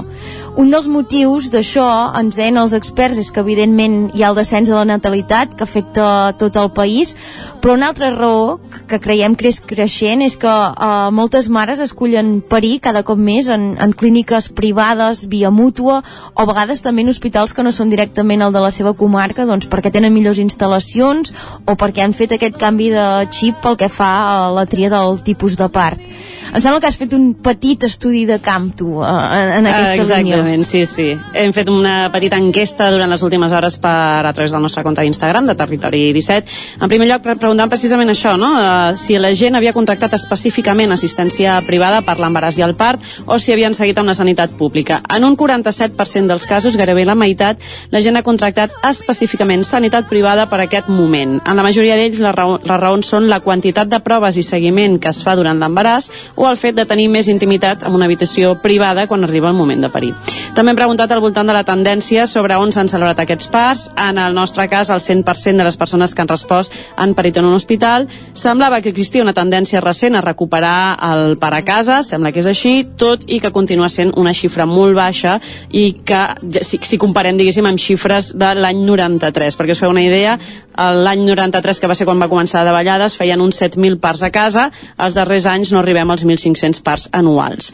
Més preguntes que hem fet respecte a si hi ha hagut desplaçament de comarca o no, que tot eh, just ho comentaves tu al voltant d'aquest article del 9-9, sembla que la cosa està bastant repartida. Un 53% de les encastades han parit a la pròpia comarca i l'altre 47% s'han desplaçat a hospitals de l'àrea metropolitana de Barcelona. I finalment, i pel que fa a la franja d'edat, la gran majoria d'encastades, un 60%, han viscut el seu primer part entre els 30 i 40 anys, un 27% entre els 20 i, el 30, i els 30 i un 13% amb més de 40. En general sí que la tendència va cap a xifres més altes. Actualment la, el màxim de parts són els 34 anys, 25.480 parts l'any 2021, i si comparéssim, com dèiem, per exemple, amb 40 anys hem tingut 12.191 parts i en canvi amb 25, 7.762. O sigui que està clar que la tendència va cap a dalt. Uh, aquestes han sigut les xifres d'aquesta enquesta express que hem fet durant les últimes hores i ens arribava, mentre les donàvem ja de fons, aquesta cançó, aquests poemes de maternitat de la compositora i violinista Marta Elka, que precisament van posar música a una sèrie de poemes sobre la maternitat de l'escriptora i acadèmica Carme Riera. Així que, Txell, si et sembla, per tancar el territori dona d'avui, ens quedem amb aquests poemes no?, de maternitat de la Marta Elka. Fantàstic, quina manera més bonica d'acabar. Molt bé. Has vist? Doncs ens veiem dimarts vinent.